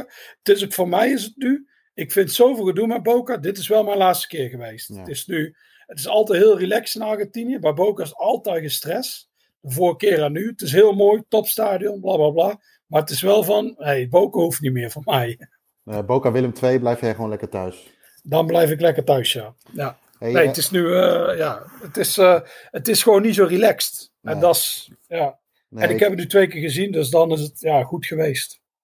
Laten we even gaan naar de man die hem nog niet had gezien. GJ, je hebt dan al het gemierde gemattel bij het poortje gehad. Dan eh, word je uiteindelijk naar binnen geleid. Waar zaten jullie precies in het stadion? De allerbovenste ring, de allerbovenste rij. Dus we hadden uitzicht over de stad. Heel erg mooi. Nadeel was toen uiteraard straks avonds de wind weer op. Dus op een gegeven moment hadden we nog wel alle Jezus koud. maar, maar dat neem je dan wel voor lief natuurlijk. Ja. Ja, ja, het is toch wel bijzonder. Ik zei eh, vorige keer al aan de buitenkant vond ik het iets te, te, te netjes en te, te strak in de verf momenteel. En van binnen, ja, ja, het blijft wel bijzonder. Vooral ook door de, die ene zijde met eh, die balkontribune. Mhm. En het, eh, ja, het lijkt groter dan het is. Eh zat bomvol, anderhalf uur voor de wedstrijd werd er al extreem veel gezongen. Wat Ja. heel gek genoeg, na een minuut of tien in de eerste helft, eh, stierf het gezang helemaal weg. En het duurde tot een stukje in de tweede helft, toen begon het pas echt weer. Oké, En ik had verwacht dat het de hele tijd eh eh, kabaal zou zijn.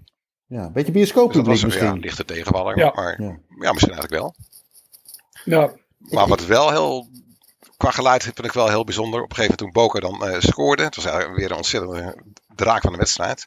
Bo- Boca maakte 1-0. En toen kwam van het, eh, de korte zijdes. Wij zaten ja, op de lange zijde van de twee korte zijdes. kwam zoveel geluid. Wat zich dan eigenlijk ontmoette op, op, de, eh, op de middellijn. Er waren net twee lawines die tegen elkaar clashten. Dat was, ik heb nog nooit zo'n hard gejuich gehoord in een stadion. Dat, ja, dat, ja, jammer nog niet opgenomen.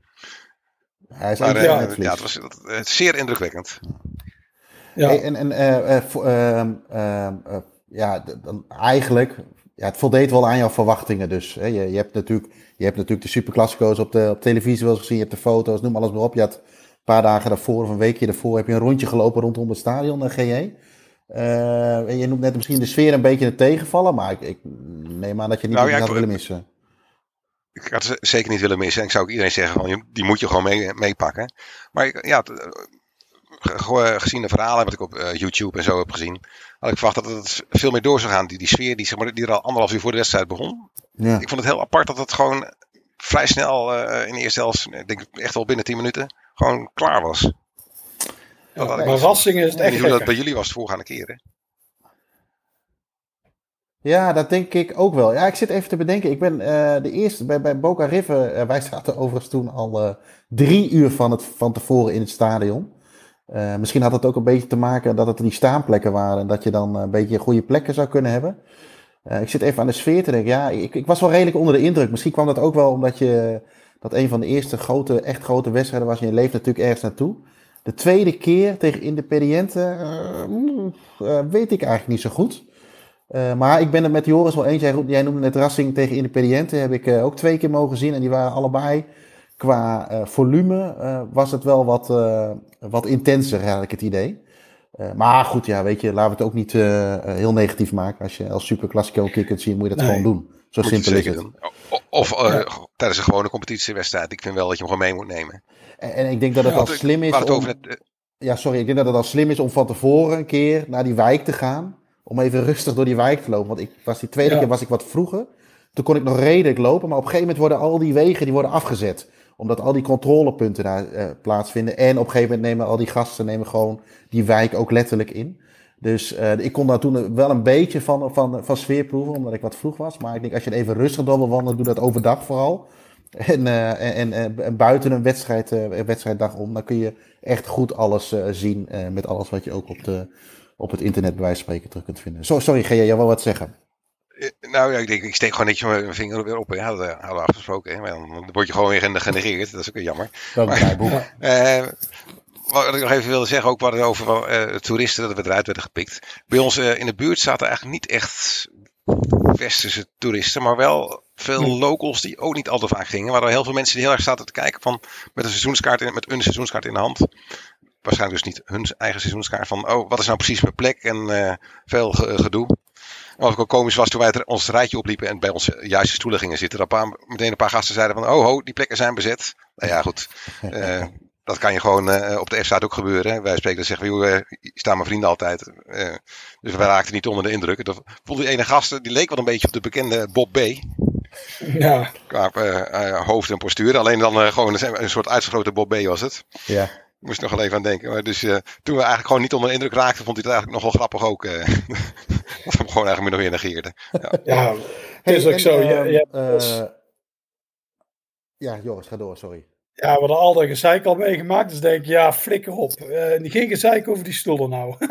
we gaan niet gewoon zitten.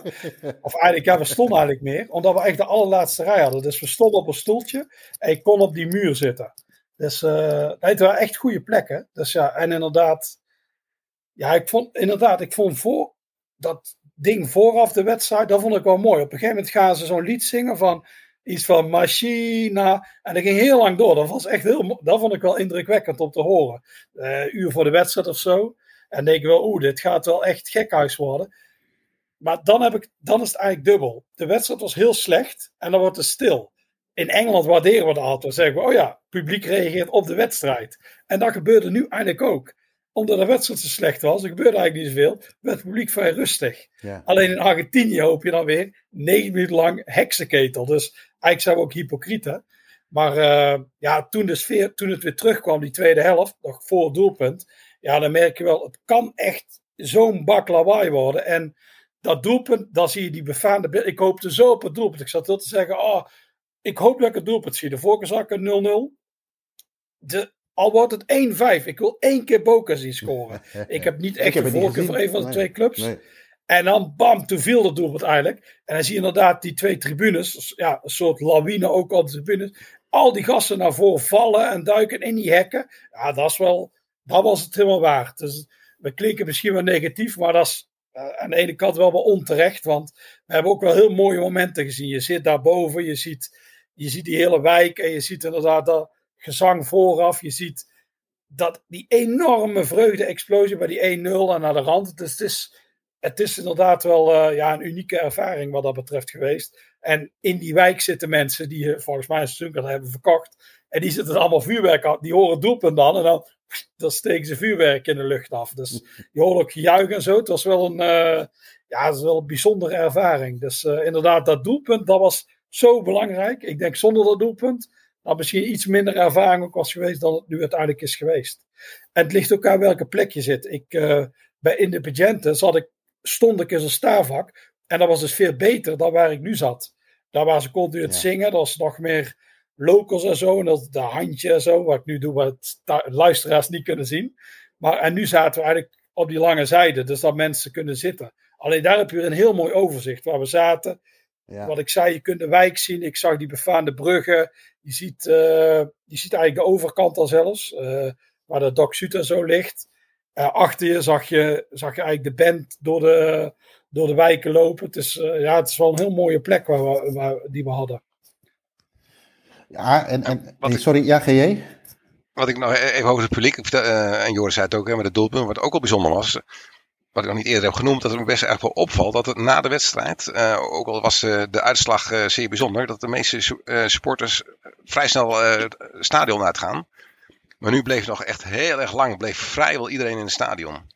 Dat had ik nog niet eerder ja. meegemaakt. Okay. Ja, niemand ging weg. Dus dat is ook, ook eigenlijk alweer een, een, heel mooi aspect. Wat, ja. Oké. Okay. Om niet te vergeten. Ja. Uh, GJ, jij hebt, uh, uh, jij hebt Riber heb jij niet gezien. Ook weer een reden om een keer wellicht terug te gaan. Al is het alleen maar om El Monumental natuurlijk. historisch gezien nog wel een aardig stadion. überhaupt overigens wel een aardig stadion. Is het alleen maar om dat cliché vliegende vliegtuig, overvliegende vliegtuig te kunnen fotograferen? Uh, maar heb jij, uh, kun jij al iets, misschien al iets zeggen van, stel dat je de keuze krijgt, uh, Boca of, of River. Heb jij nu misschien al iets van, ah, ik, ik, ik heb al een voorkeur, ook omdat ik misschien juist niet eentje heb gezien, dat je naar de een nog wel wat nieuwsgierig bent? Ja, want ik hoef niet zo heel snel een revisie te doen als ik nog heel veel andere dingen nog niet heb gehad. Dus jij vraagt me nu eigenlijk, mijn verlanglijstje te openbaren. Of... Nee, nee, nee, nee, maar gewoon of je, kijk, je hebt, uh, stel dat jij uh, naar Italië gaat of naar Spanje, heb je, heb je vaak toch die vraagstelling Barcelona of Madrid, uh, Inter of AC, dat soort dingen. Oh, ja. Beetje nee. op, op die tour. Ja, nee, dan, dan, zou ik eerst naar Riebe zelf moeten gaan om, om, daar wat over te kunnen zeggen. Ja. Jij, jij Joris? Ik, ik, was ook nooit, oh, ik wilde altijd wel naar La Montmanera, maar meer voor het stadion en niet zozeer voor de club. Nee, en dan is het stadion ook nog eens geverfd. Niet dat ik ook helemaal tegen Boca ben of anti-Boca. Ja, ik had nooit echt... Uh, nee, niet, niet uh, speciale gevoelens voor de club. Wel voor het stadion. Nee, okay. En voor de vermeende sfeer die dan deels uitgekomen is. Ja. En jij Joris? Uh, ik vind het lastig. Ik had altijd vooraf denk iets met mijn Boca. Maar op zich ben ik niet zo... Net zoals Real of Barcelona. Ja, die vind ik allebei kut. En in Argentinië had ik het ook. Want ja, het zijn de twee topclubs. Ik ben eigenlijk nooit zo voor topclubs. Maar ik denk iets met mijn Boca had, ook door het stadion. Toen ik ze allebei een keer bezocht, dacht ik, oh ja, eigenlijk de, de River Plate, dat is eigenlijk iets relaxter of zo, om een of andere reden. Daar Boca heeft wel heel veel toeristen. en het is natuurlijk zo, ja, het is een enorme hype. Uh, het is, ja. Het is, ja, en ik denk dus dat River, is, uh, River daar ook nog wel een beetje door onderschat wordt, toch? Ja. Door, omdat Boca natuurlijk heel erg uh, bekend is, gehyped, noem maar op. Hè. Uh, ik vond namelijk, uh, als je soms ook wel die beelden ziet in de, in de Monumental, dan is, kan het daar ook best wel spoken, zeg maar. Ja, ja inderdaad. Ik vind, puur qua stadion vind ik Bombonera mooier, maar, ja, maar bij club, ja, tot loopt kan niet zoveel. Ik denk, stel ze zouden allebei, ja, destijds die finale in 2018, toen was ik voor Boca. Mhm. Stel die finale zou nu weer worden gespeeld. Ja, niet echt een sterke voorkeur. Misschien dat ik dan toch voor River ben. Of Rieber. Toch, uh, ja, ik ken daar meer mensen. Bijvoorbeeld Remy of Martina en zo. En dan, uh, ja, ik vond het ook een mooi de dag opkwamen met Martien tegen. En die had mooi zijn River shirt daar. Ik zei, dat is goed. Hij zei, ja, het moet vandaag aan, want we hebben gisteren verloren. Dus ja, zo hoort het. Dus, ja, ja daar ben je, daar ben je ja. ja, ja, ja. Dus dat vond ik, uh, dat vond ik wel mooi ik ken mensen die een keer verliezen, een derby, die dan zeggen: Ja, uh, Racing Independiente net op de kloten gehad van Racing met negen man. Nee, dat is helemaal niet onze rivaal. Dat, onze rivaal is Boca. Die mensen heb je ook nog. Ja, die heb je ook, ja. Uh, ja, dan goed, dan, uh, dan breekt er eigenlijk een beetje de laatste dag aan voor jullie. Uh, in ieder geval de laatste wedstrijddag dat jullie wat gaan bezoeken. Terwijl jij, wil je naar de wc, Joris, of wil je wat zeggen? Nee, nog belangrijk. Wij zijn naar de rand, liepen terug. Dus het stadion dat bleef eh, vrij lang vol zitten. Wij bleven ook zitten, liepen terug. En toen kwamen we in een straatfeest terecht. En dat was ook wel heel mooi. Iedereen was een oh. beetje natuurlijk helemaal... Uh, die hadden flink aan de pako gezeten, uh, drank. En dat was wel een mooi, uh, een mooi feestje om, om daarbij te zijn. Of dat te zien. Dus en uh, de prijzen voor de taxis waren ineens verdubbeld. Dus de, de taxichauffeurs die wilden niet stoppen of die wilden een meter niet aanzetten. Ze hadden er een die een meter niet aanzette, maar omdat er zoveel mensen waren, uh, ja, dachten ze, ja, we kunnen voor alles vragen, want het zit hier vol met toeristen. Dus ja, Al, wat ja. GJ zegt, vind ik wel kloppen. Om ons heen viel het echt mee met de westerse toeristen. Het waren meer lokale het, uh, iedereen sprak Spaans en zo. Dus uh, misschien als ze iets meer, er waren wat toeristen, dat ze iets meer er, ergens anders zaten of zo. Dus, uh, ja. Maar bijvoorbeeld andere mensen zeiden, oh, dat is voor 80% gevuld met toeristen, maar dat is niet waar. Dat is zeker niet met westerse toeristen. Nee, dat is, dat is alleen op Old Trafford, toch? Ja, ja, ja. ja dat klopt. Mag ik door naar de, naar de laatste wedstrijd, GJ? Of had jij nog iets over Boca? Nee, nee, nee, nee. Nou, de laatste dag, hè. De laatste dag, sorry. Ja, ja. De, voorafgaand aan die laatste wedstrijd hebben wij uh, nog weer een uh, bezoek gebracht, toch een revisit aan uh, Argentinos Juniors. Toen Vertel. we daar waren voor de wedstrijd, besproken ja. in de vorige podcast, was het echt beestenweer. Veel regen. Dus nu gingen we overdag, droog, terug om alle, nou hoeveel waren het er? Alle 387 murals van Maradona. Ja. Ja. De, de, de, de buitenmuren van het stadion. Die bestaan zeg maar uit ja, een soort van ja, panelen, soort muurtjes tussen betonnen pilaren. En op mm -hmm. ieder muurtje staat een andere mural. En nou, 9 van de 10 minstens uh, hebben betrekking op Maradona. Dus uh, daar hebben we ons filmpje wel uh, volgeschoten, denk ik. Heel wat ja. fotootjes gemaakt, echt prachtig. Ben je al een beetje Maradona moe daardoor geworden, GJ? Ik merkte daar dat ik. Volgens mij kan ik niet Maradona moe worden. Nee, ik heb dat, ik heb dat ook niet hoor, maar bezoek, uh, een tweede bezoek er wel wat anders tegenaan kijk. Dat ik dan denk van ja, nu weet ik het wel. Maar ik betrapte mezelf erop dat ik foto's bleef maken. Iedere mural moest ik gewoon hebben. Hmm, mooi, dus dat ik verre van moe was ervan. Er was ook nog dus een soort van uh, altaartje in het stadion. Uh, is te zien vanaf, voor Maradona uiteraard, is te zien vanaf de weg. Alleen het hek zat dicht. Wat ook nogal mooi was, vergeet ik helemaal te vertellen. de taxi die we namen van ons appartement naar het stadion. bleek een Argentinos Juniors supporter te zijn. Die vond het zo leuk dat ze naartoe gingen. Gewoon om nog even Maradona murals en zo te zien. Gaf hij ons een vlaggetje. Van, uh, die ja. onlangs bij een wedstrijd was uit, uh, uitgedeeld. Dus die hebben we gewoon heel symbolisch in het traliewerk van, bij het altaar gestoken. Kijk. En een traantje weggepinkt natuurlijk. ja, uiteraard. uiteraard. Oké, nou ja, goed. Dit is zeker ook wat we net zeiden over de wijk rondom La Bombonera. Is dat natuurlijk overdag heel goed te doen. maar dat is dit La Paternal. Is dat ook ja, erg leuk. ook om bijvoorbeeld te combineren met dat uh, dat huis waar Maradona toen gewoond heeft, waar hij, toen hij daar uh, speelde. En de wijk van het stadion van Argentinos Juniors is ook weer erg rustig met uh, allerlei horeca-tentjes. kun je prima, heel veilig, heel goed een paar uur van maken. Ja. Klopt. Volgens mij omschreven wij dat voor... Ja, sorry. Huis van Maradona inderdaad. Daar hebben we ook een bezoek aan gebracht. Uh, op een gegeven moment kreeg Maradona, als hij nog iets langer zou voetballen, ik vertel het eventjes uh, eenvoudig. Bij Argentinos Juniors kreeg hij en zijn ouders een appartement aange of een huis aangeboden. Dat huis staat er nog altijd en dat is nu ingericht, ja, een klein beetje amateuristisch, maar juist daarom ook wel heel erg leuk. een soort van opnieuw ingericht. en ja, um, is nu eigenlijk gewoon een museum geworden. En ik vond toch wel, hadden we allebei denk ik, um, zeker toen we naar buiten stonden, waar, bij de barbecue en zo van, ja, je hebt gewoon Maradona uh, uh, staan barbecuen en een balletje ja. hoog staan houden. Hij heeft er maar twee jaar gewoond, maar toch, uh, ja, we hadden allebei wel heel, heel erg besef van, ja, dit, is echt, dit is ook wel weer heel erg historische grond.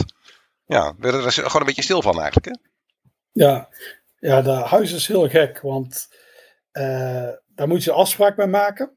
En dus ik had een nummer opgezocht, WhatsApp gestuurd.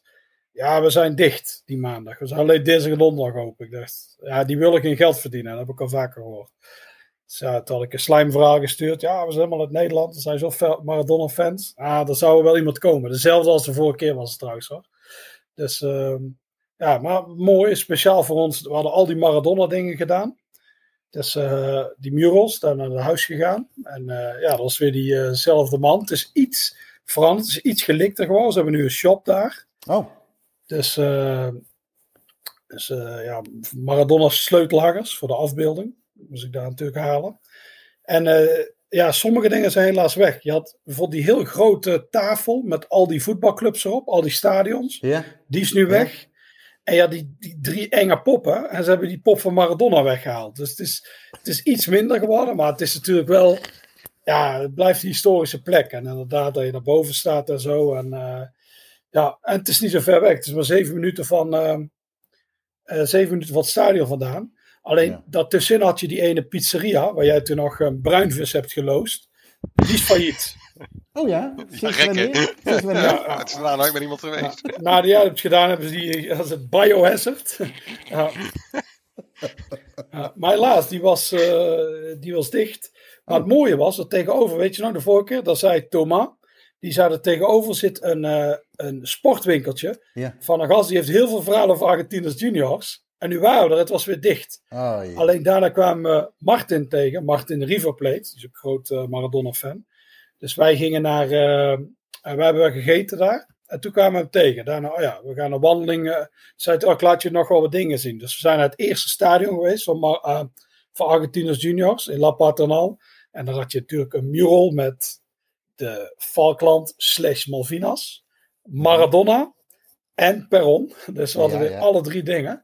Dus die hebben we gehad. En daarna zag je nog wel Maradona murals. Toen zijn we naar een café geweest. Dat was het café waar de eerste onderhandelingen zijn geweest tussen Barcelona en Argentinos Juniors. Okay, cool. En dat is ook ingericht als een uh, Argentinos Juniors fancafé. Ik denk dat ze van tevoren er altijd heel mooi, heel ouderwets. Dus daar hebben we nog even gezeten. En toen gingen we terug. En toen zei Martien, misschien is die sportzaak open.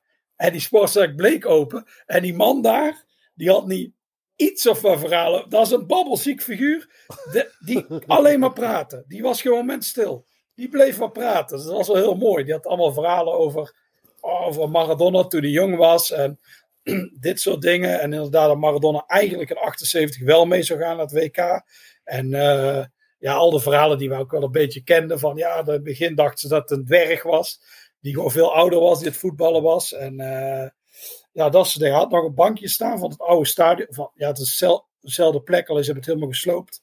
En nog een bankje waar hij vroeger zat. En uh, hij is een mooi winkeltje. Allemaal, uh, allemaal Argentinos juniors dingen. Hij heeft uh, zelf een ere dingetje gekregen van de club. Dat hij al 70 jaar social is.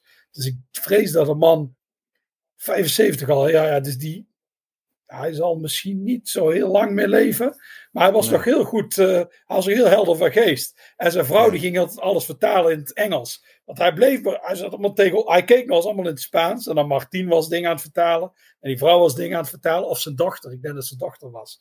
Dus uh, nee, dat was wel heel mooi. Dat is weer zo'n unieke ervaring. Van dat je daar bent. En dat je met een, de grootste Argentinos Juniors fan aller tijden daar zit. Die Maradona heeft zien spelen. En toen kwam Maradona terug in 2020, Argentinos Juniors Gymnasia. En heeft Maradona een bezoekje gebracht aan die winkel, want die kenden elkaar nog. Nou, dat is uh, natuurlijk wel heel mooi. Briljant, briljant. Nog, nog even terugkomen over kennen. Uh, uh, die man die ons rondleidde in het huis van Maradona. zijn vader heeft de eerste commerciële deals voor Maradona gesloten. Nou ja, er zijn al een paar keer van, oh Puma's, Puma's. Ik denk, dat je toch uh, blij met mijn Puma's uh, die ik droeg.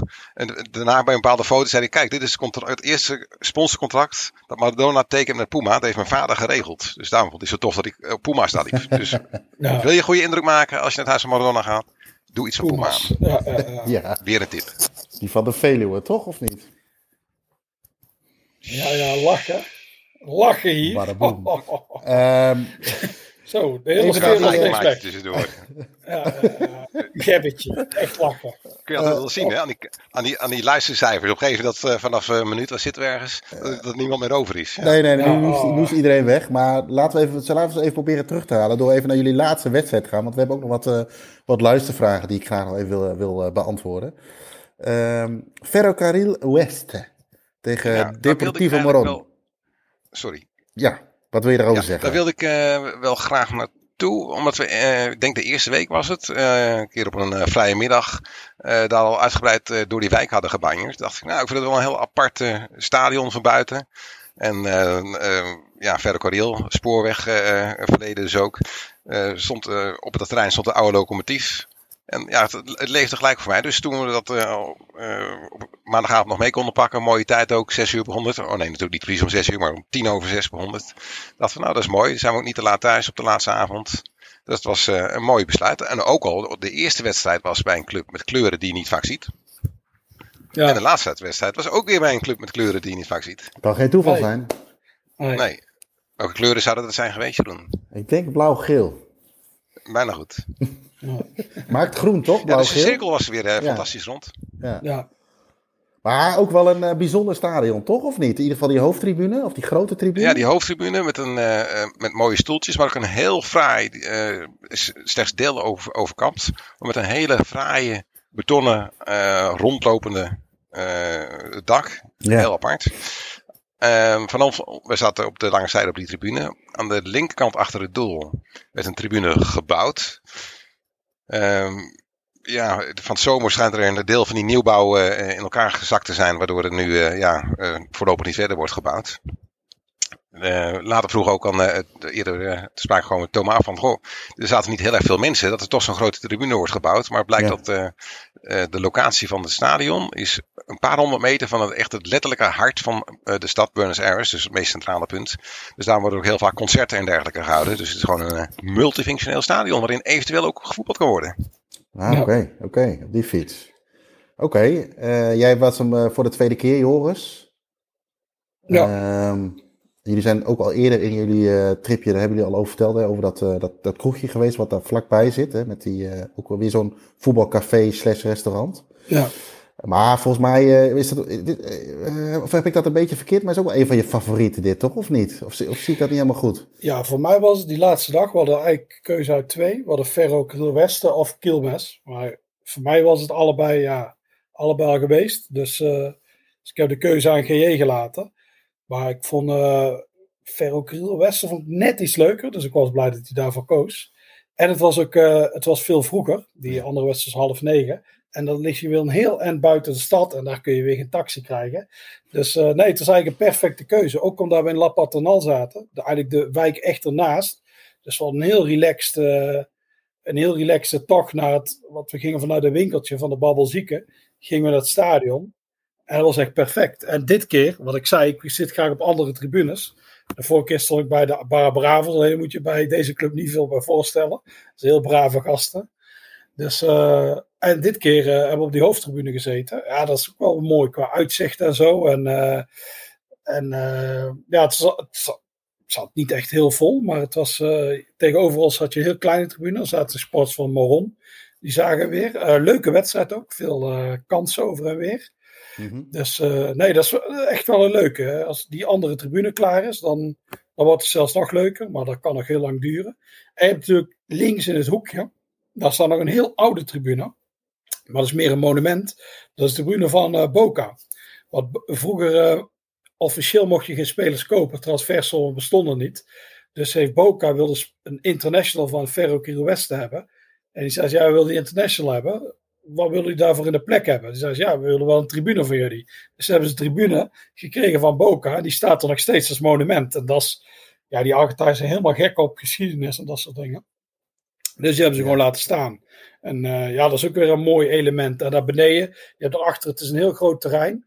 Daar waren allemaal mensen, ook weer zo'n Assado en allemaal kleine voetbalveldjes. Het is een heel levendige club. Het is weer echt zo'n club van misschien het eerste elftal heeft niet echt veel supporters, maar het is echt een heel grote vereniging. Ja, ze hebben voor die basketballers heel goed. Die zijn eigenlijk nog succesvoller dan die, uh, die spelen op het hoogste niveau. Dat is die zaal die daaronder zat. Ja. Dus uh, nee, nee, het is echt, echt een aanrader ook weer. En zeker van tevoren naar die ja, uh, Visio, zo schrijf je het, zo spreek je het niet uit. Dat zal een beach show zijn. Buzon gaan, want dat is ja, kroeg helemaal in het groen. Die zit er vlakbij. En die is nu van een oud voorzitter van die club. Dus uh, nou, eigenlijk daar het pre-match meal doen. En dan naar het stadion. Dan heb je weer gewoon een heel, uh, heel leuke middag of avond. Die stoeltjes zijn fantastisch. Uh, het uitzicht is geweldig. Je hebt daar enorme flats naast hem. Dat zijn geen Oostblok flats. Dat zijn gewoon heel dure flats. En nee, ook ja. weer mooi. En ook weer, het hoeft niet allemaal gek te zijn. Juist die afwisseling Buenos Aires vind ik zo mooi. Dat je echt bij knettergekke clubs kunt zitten. En dan zit je bij eigenlijk een vrij, ja, een heel veilige buurt, eh, bij een heel rustige club. Dus uh, dat maakt die stad zo interessant. Ja, dan, uh, dan zit het erop. En niet zozeer deze podcast, maar dan zit jullie trip erop. Uh, ja. Ehm, we hebben een van de eerder al gehad hoe het is om weer, weer terug te zijn. Ehm, als, ik, als je is GJ, als je is ehm, één echt hoogtepunt noemt. Eén is het mogelijk? En twee, zo ja, wat is jouw echte hoogtepunt van deze trip geweest? Het is bijna niet mogelijk, omdat het zo verschillend is allemaal. Maar als ik zeg, zeg je moet echt één nummer één aanwijzen, is dat voor mij toch het stadion van Huracan. Hoeven we niet uit te leggen, denk waarom. Van, ja, ja. Uh, bleek in de praktijk zo mogelijk nog mooi. Dus net, ja, moet ik, ik, ik heb er niet over nagedacht, ook nou omschrijven. Maar Um, ja, zeg maar als je een plaatje ziet van een mooie vrouw die het echt nog mooier blijkt te zijn en ook nog eens heel sympathiek is. Zoiets als het eigenlijk. Dat kan niet. Dat kan niet. Claudia de Brij. Die combinatie die bestaat niet. Nee, kunnen nagaan. Dus zo zeldzaam is het stadion. Ja, ja, ja, Bestaat bijna niet. Hey, jongens. Uh, maar ook al vaker gezegd, ik ga toch snel nog even een paar andere dingetjes noemen dan. Maar deze, ik moest, als ik echt met de pistool op het hoofd moet kiezen, dan is het stadion van Huracan.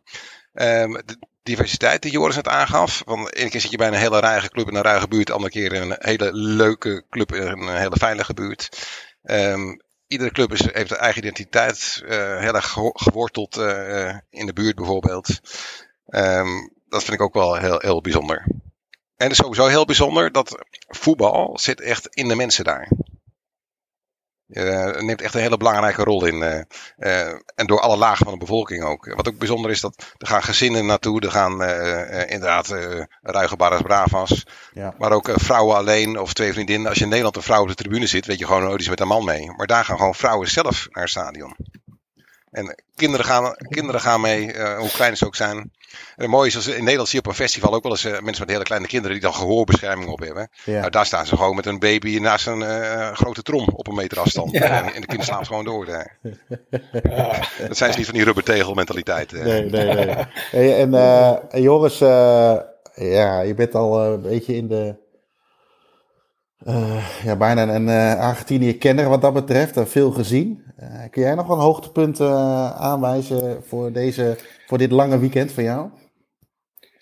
Um, ja, één absoluut. De vorige had ik echt met Rassing. Dat was één absoluut hoogtepunt. Ik vond alles heel leuk. Ik kan voor het eerst zien en zo. Alleen dat stak, dat stak echt bovenuit. Dat heb ik dit keer niet. Maar ik heb wel heel veel dingen die ik heel mooi vond. Ik vond het heel mooi om eindelijk bij Doc Shooter zijn. Nou, al, die, al dat gelul daarover van ons, ja. dat we er eigenlijk waren.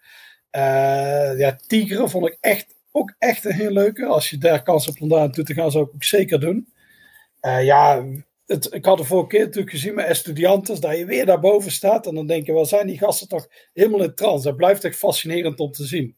Ik denk qua support is dat misschien wel de fanatiekste die wij deze keer hebben gezien. Dus uh, ja, en uh, alle ontmoetingen met mensen, dat is ook mooi. Dat je weer, ah, weer maar die Martin van de WV Chicago, die heeft me later ook naar het vliegveld gebracht en zo. Sowieso heel Nieuw Chicago vond ik heel mooi. Ja. Uh, ik vond het mooi die Martin van River Plate hebben ontmoet. Uh, ja, natuurlijk bij Estudiantes weer. Ah, wacht op Papa Veron. Papa Veron komt eraan, we lopen allemaal kaarten weg. dus dat was, dat was heel gek. Dus uh, ja, de mensen gewoon heel sympathiek al zijn. En op die nou, dat iedereen je wil helpen. En ze heel mooi vinden dat je bij je club komt. Uh, ja, dat soort dingen. Het is gewoon ja, echt een, ja, het ultieme voetballand bijna. Dus, uh, en tot nu toe, ja, misschien gebeurt er, als ik nog een keer terug ga, gebeurt er inderdaad een keer iets. Er wordt overvallen of zo. Maar tot nu toe eigenlijk alleen maar positieve ervaringen. Misschien dat Barakas wat minder, maar dat is gewoon een beetje een vervel vervelende club. Maar niet dat ik me daar bedreigd voelde of zo. Dat was gewoon vervelend. Maar uh, nee, nee. En hoe kan natuurlijk weer het stadion. En ja, dat je naar de rand. Ja, allerlei dingen zijn gewoon. Uh, en dat je ook andere groundtoppers. Die Nico bijvoorbeeld, dat is ook wel leuk hoe hij er tegenaan kijkt. Want we hadden naar de rand vroegen hem. Hoe vond jij Boca River? En hij had eigenlijk hetzelfde van ons. Hij dacht ook negen minuten lang gekhuis. En dat was het niet. Hij zei wel, ja, dat doelpunt, dat iedereen naar voren viel. Dat is wel heel mooi. Dus het is mooi om dan ook van andere mensen te horen hoe het was. Maar het is, uh, ja, het is echt de ultieme voetbalstad. Ik ben nu eigenlijk alweer aan het kijken om uh, over twee jaar terug te gaan. maar Joris, als jij ook met zeg maar, pistool op je hoofd één ding zou moeten noemen, één club of één situatie, of wat zou jij dan zeggen? Zoals ik zei, van, als ik dan echt één ding moet zeggen, zeg ik het stadion van Hoerekan. Wat zou jij zeggen? Ja. Je moet zeggen, binnen drie seconden schiet ik. Ja, Drie. Dat is heel twee, lastig. Tommy. Eén. ja, ja. Jongen, jongen, jongen. Echt ongelooflijk. Nee, ik ben nu even alles aan het nalopen in mijn hoofd. Dus, oh, ik heb zoveel genoemd. Ja, ik denk. Doc Sud, die hele dag. Die, dat we daar werden neergezet. Alles. Alles dat we werden begeleid. Die gekke gasten. Dat is Sud, ja. Dat is, dat is het ultieme. Want dat was zo, ja, zo intens. Dat je eigenlijk, uh, ja... Heb ik nog... Ik, had vandaag toevallig een foto van Doc Sud op Instagram gezet. En dan denk je er weer helemaal naar terug hoe dat allemaal was. Ik zei, ja, dat was eigenlijk wel heel mooi. Eigenlijk ook dat je binnenkomt en dat je die vervallen tribune had. Waar je eigenlijk, omdat je zoveel indruk hebt. Normaal zou ik daar gewoon vijf minuten naar staan te kijken, hè, fappen. Maar nu, omdat je zoveel indruk hebt, dan verwerk je dan maar even. En dan zie je een vies zwembad achter dat doel. En ja, er was zoveel aan de hand. Dus ja, en inderdaad, van tevoren lees ik over die torens. De toren 3 en toren 5 ga gewoon kapot schieten. En zie je daar een spandoek van Toren 5. En dan Los Monoblocks. Ja, dat is wel allemaal heel mooi. Dus uh, nee, dat zou dan, als ik het echt moet kiezen, is het dat. Oké. Nou ja, goed. Er was ook een vraag van uh, Erik van Huigenvoort, vaste luisteraar van, van de podcast. Wat iets andere stelling overigens, maar of iets andere vraag. Als je over 30 jaar terugblikt, wat zal je het meest herinneren? Nou, kun je hier wel een beetje op projecteren. Ja, als, dan zeg ik toch als antwoord, als ik één ding moet, zou kiezen, hè, dat heb ik gezegd. Maar als ik, als ik over 30 jaar denk ik nog het meest is bijgebleven, is toch uh, uh, de passie voor voetbal en uh, in het algemeen en de club in het bijzonder, bij, bij alle mensen. Dat is denk ik wat me het allermeeste bij zal blijven. Ja, oké. Andere vragen die, of Erik had een, een, een, reeks aan vragen, maar Wat, uh, Joris, jij had het er net al eventjes over, voor over 2024. Uh, hij vraagt zich af, uh, wat zijn dingen die je absoluut gaat doen bij je volgende trip naar Buenos Aires? ja, ik heb nog een paar clubs die ik graag wil zien. Dus zoals het Platense, Almirante Brown. En, maar ik denk vooral eigenlijk eigenlijk, hij vroeg wel Buenos Aires, maar nog wat dingen buiten de stad. Ja. Uh, Tucumán en Mendoza en Rosario wil ik nog een keer naar terug. Dus dat zijn eigenlijk de dingen. Ik zou heel graag de Derby Gymnasia Estudiantes willen zien. Dus uh, die lijken me wel heel mooi om te zien. nu, de volgende keer als we iets meer tijd hebben of iets anders inplannen, denk toch het huis van Maradona. We hebben het geweest. Ik wil toch eigenlijk toch naar die begraafplaats. Ja, Ondanks dat je niet op kunt komen ik zou die plek toch heel graag willen zien een keer. Dus, uh, dus dat zijn een beetje de dingen die ik zou doen. Maar je loopt heel vaak tegen, tegen onverwachte dingen aan. Bijvoorbeeld wat je net zei, waar denk je over 30 jaar nog terug? Nou, ik denk dat moment dat die vierde drumband bij Camionero binnenkomt, dat ik daar nog wel eens aan terug ga denken. Ja. Dat is echt dat is te veel gekhuis, bijna. ja, ja, nee, ja, eens. Ja, het, het is wat GJ net ook wel zegt, dat had ik de vorige keer ook, dat was nu dan wat minder, omdat mijn tijd wat korter was. Eh, eh, eh, de, de passie, maar ook al die ontmoetingen. Die, die misschien vooraf wel een, een, een, Je wordt uitgenodigd of je maakt een afspraak met iemand. Maar dat wordt dan zo ingevuld. dat die gasten zo uit, uit, uit, uit trots vanuit hun wijk, vanuit de club, vanuit de clubkleur vertellen. en, en zij jou alles willen vertellen over hun, ja, hun, hun elftal en alles wat erbij komt kijken. Zeg maar. dat, dat is wel iets wat mij nog steeds bijgebleven is de afgelopen twee jaar. Daar heb ik er nog 28 te gaan. Uh, Joris en GJ steken allemaal eigen vinger op. Nu wordt het lastig. Voor mij was Joris eerst, dan mag hij eerst.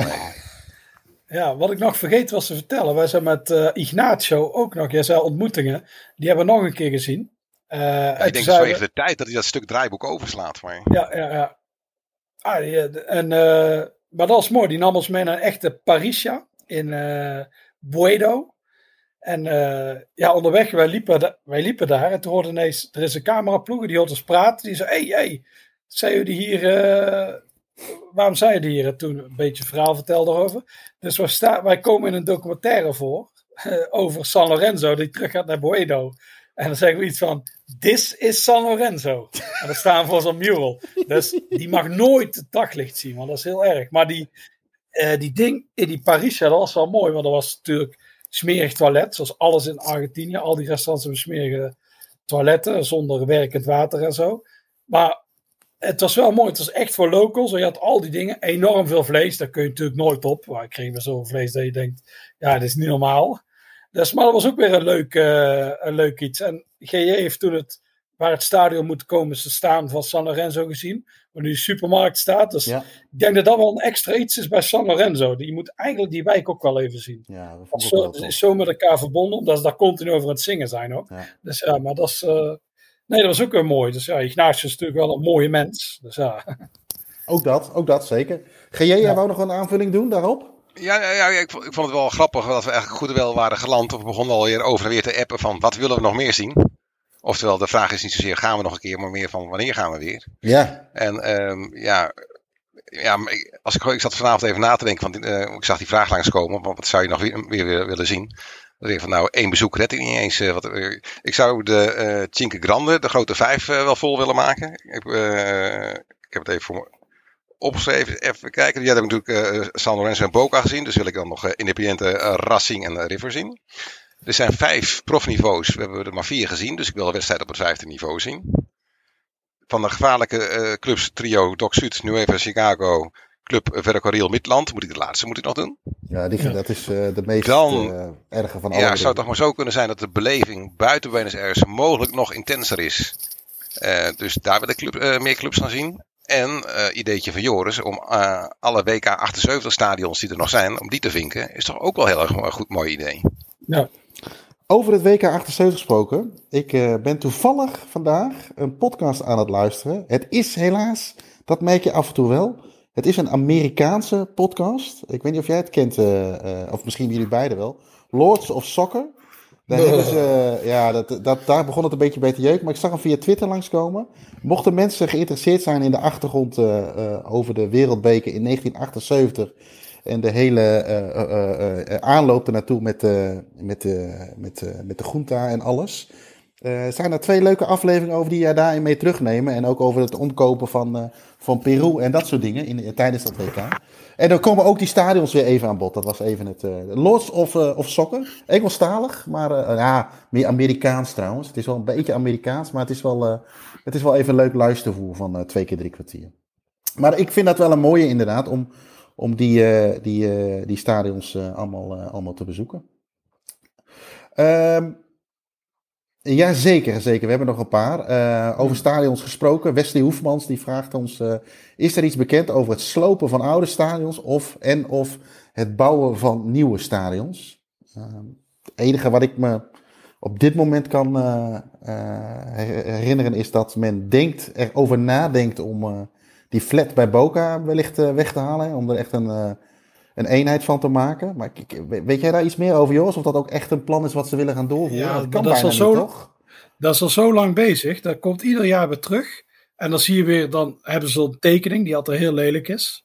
Dus die, ik weet niet waar ze die in maken. En dan wordt dat het nieuwe stadion. Dus het plan is inderdaad om die te slopen. Dan maken ze echt een ovaaltje van. Ja. En dan moet er een dak op. Dus dat zou natuurlijk alle charme weghalen.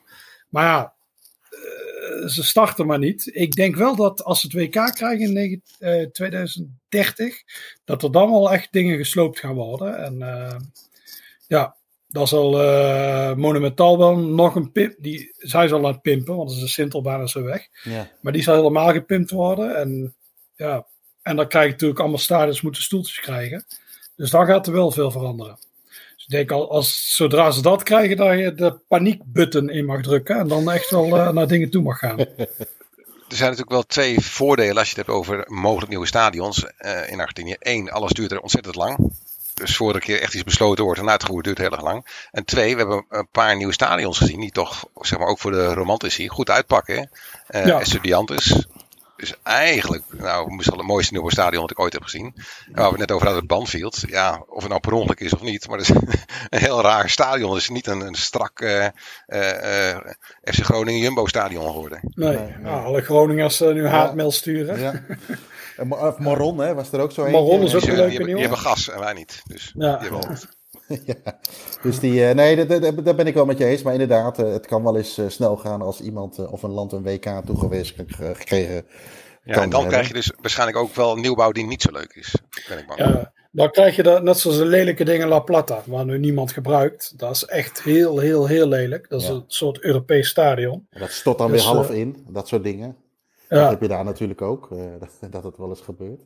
Oh, wat is dat dit voor vooroordelen? Nee, dat stadion was er het dak toen toch van ingestort, van dat ja. Plata, toch? Ja, zoals weggewaaid ja, of zoiets. Ja, zoiets was dat. Uh, dus dat gebeurt in Nederland ook, hè? Dat is in Nederland ook, ja. Dus ja, dit, is, dit is bijna racisme. Om Ronald de Boer, te, om Ronald de, Boer te, Ronald de Boer te citeren, in Nederland gaat er ook wel eens wat mis. Ja, uh... um, uh, een vraag van, uh, van Amin via Twitter is: nou, wat zijn de veilige wijken en waar moet je voor oppassen?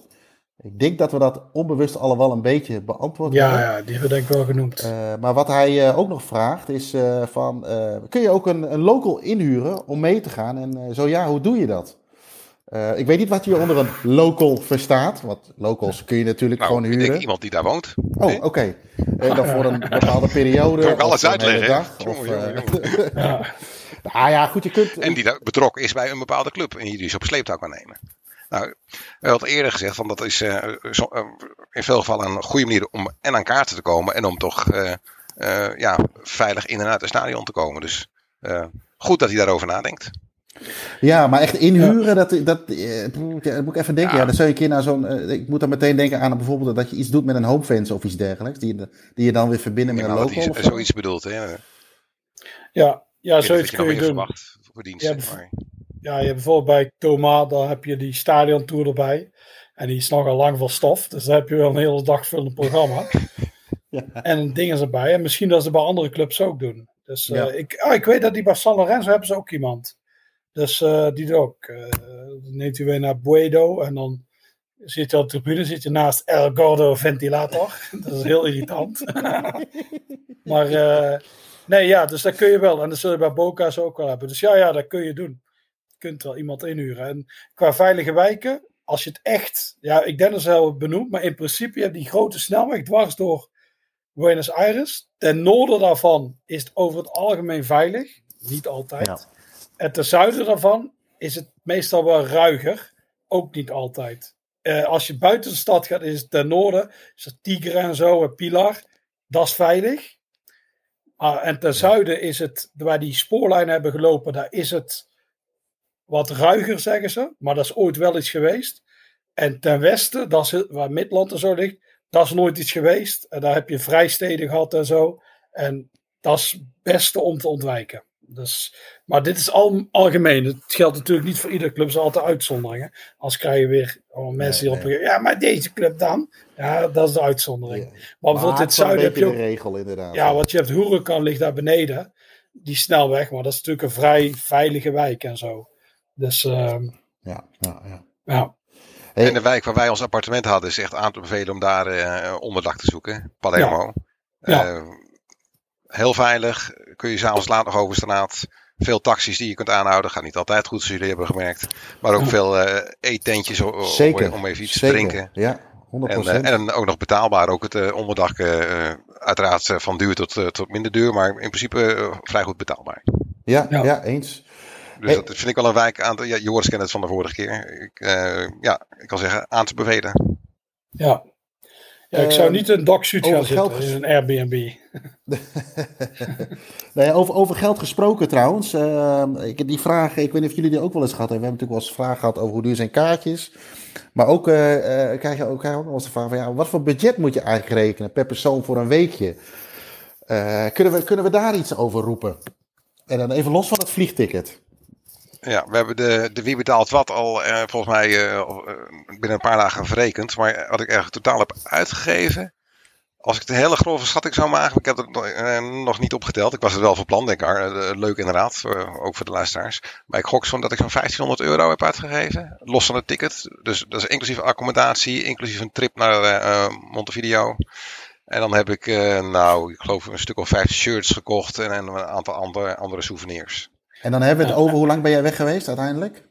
Ja, drie weken totaal. Ja, dus heb je het over Ja, 500 euro per week. Ja, maar je En dan kunt er wel bij ja. zeggen dat ehm, de Ubers gingen via mijn creditcard en al de meeste andere uitgaven, ehm, niet in uh, Uruguay, maar wel in eh, Buenos Aires, eh, gingen via de eh, voordelige koers. Hè? Dus de, dat is het eh ruim het dubbele van de officiële koers. Ja, Ja, oké. ja, nou, dat is jij, onbelangrijk om te weten, want anders ben je, je dubbele budget kwijt. jij Ja. bent, eh, Joris, jij En we bent- hebben geen gekke dingen gedaan, maar ook niet. Ik we zijn wel een paar keer flink uit eten geweest. eh, ja, Ja. flinke Ja. bunker.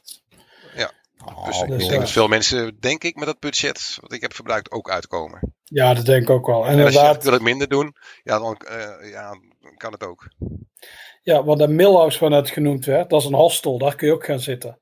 Dus je kunt in een hostel gaan zitten. Je kunt, wij zijn een paar keer echt luxe uit eten gegaan. Daar kun je skippen. Dus je kunt inderdaad zo goed. Maar je kunt het ook natuurlijk veel duurder maken. Dat je echt, wij zaten in Palermo, maar niet in Palermo helemaal in het midden. We zaten in een Soho? Soho, net iets ten zuiden.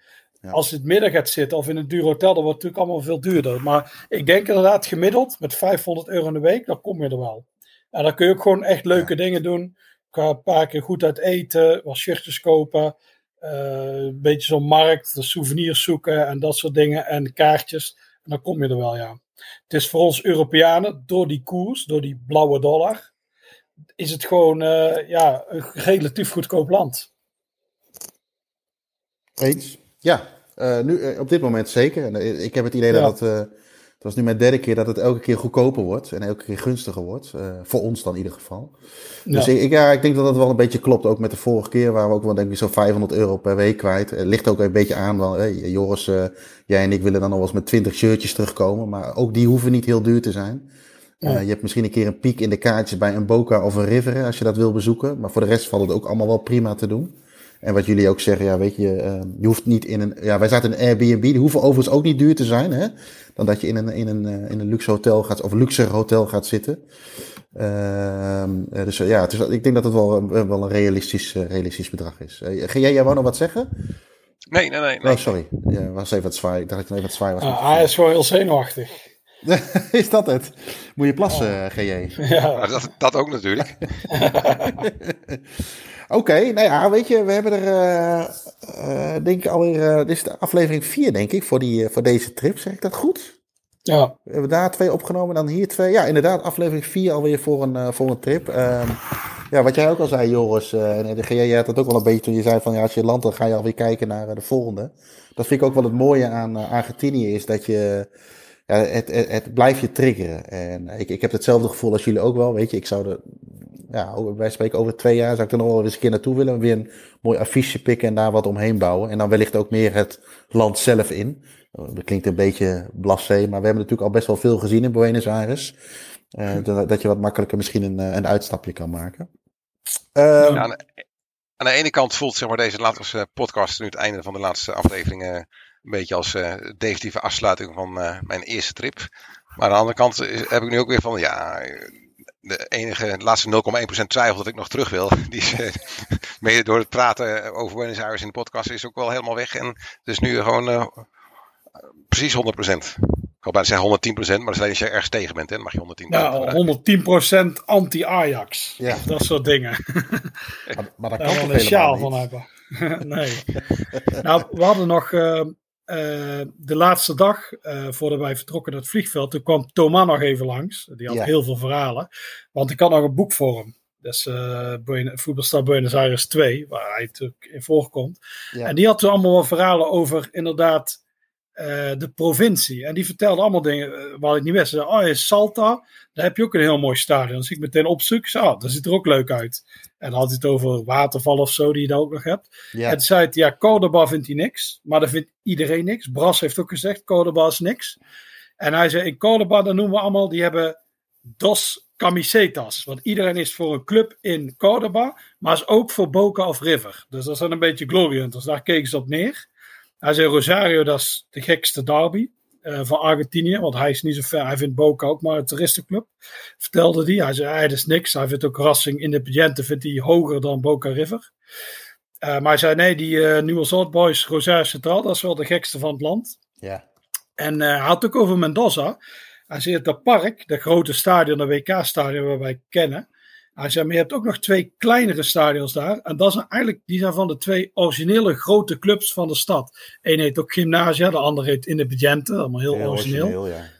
Ja, en hij zei, die twee, je kunt dus in één park, net zoals waar je in uh, La Plata hebt, als er twee in een park hebt, heb je daar drie. En hij zei, nee, Mendoza is echt mooi, want dan zie je die bergen liggen en je kunt in de buurt heel veel dingen doen. Dus Mendoza was voor hem echt een tip om daar uh, ooit naartoe te gaan. En uh, ja, die nemen wij natuurlijk uh, graag aan. Want uh, mij lijkt ook wel een leuke, leuke plek om te gaan. Omdat Nederland zelf er heeft gespeeld. Ja. En die verveelde zich toen kapot. Dus ik denk, ja, het is toch mooi om, om dat te zien. Wat er ja. dan... Om die verveling te ervaren. Ja, ja, ja, maar volgens mij is het helemaal niet vervelend. Maar zijn voetbal is gewoon zo oppervlakkig. Dat, oe, ja, oeh, hier is niks te doen. Dus ja, dan...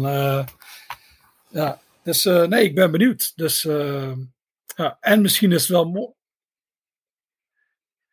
en bijvoorbeeld die Nico, die is naar uh, Patagonië geweest. En die foto's zagen er ook wel heel mooi uit. Ja. En daar heb je ook voetbalclubs. Dus ja, dus een club in Patagonië vinken in combinatie met die gletsjers. Dat is ook wel aardig. Dus nee, nee, we hebben zo echt minstens nog één keer nodig. En dan moet je inderdaad weer een lange twee weken gaan.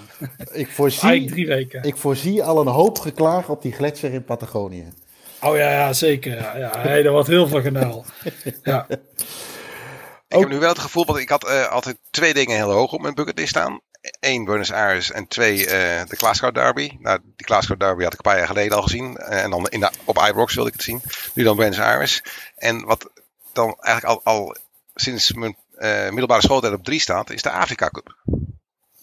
Dus nu denk ik wel van ja, wat ga ik eerst doen? Nog een keer naar Buenos Aires of de Afrika Cup eerst? Hoezo kiezen? Ja, plak je het niet achter elkaar?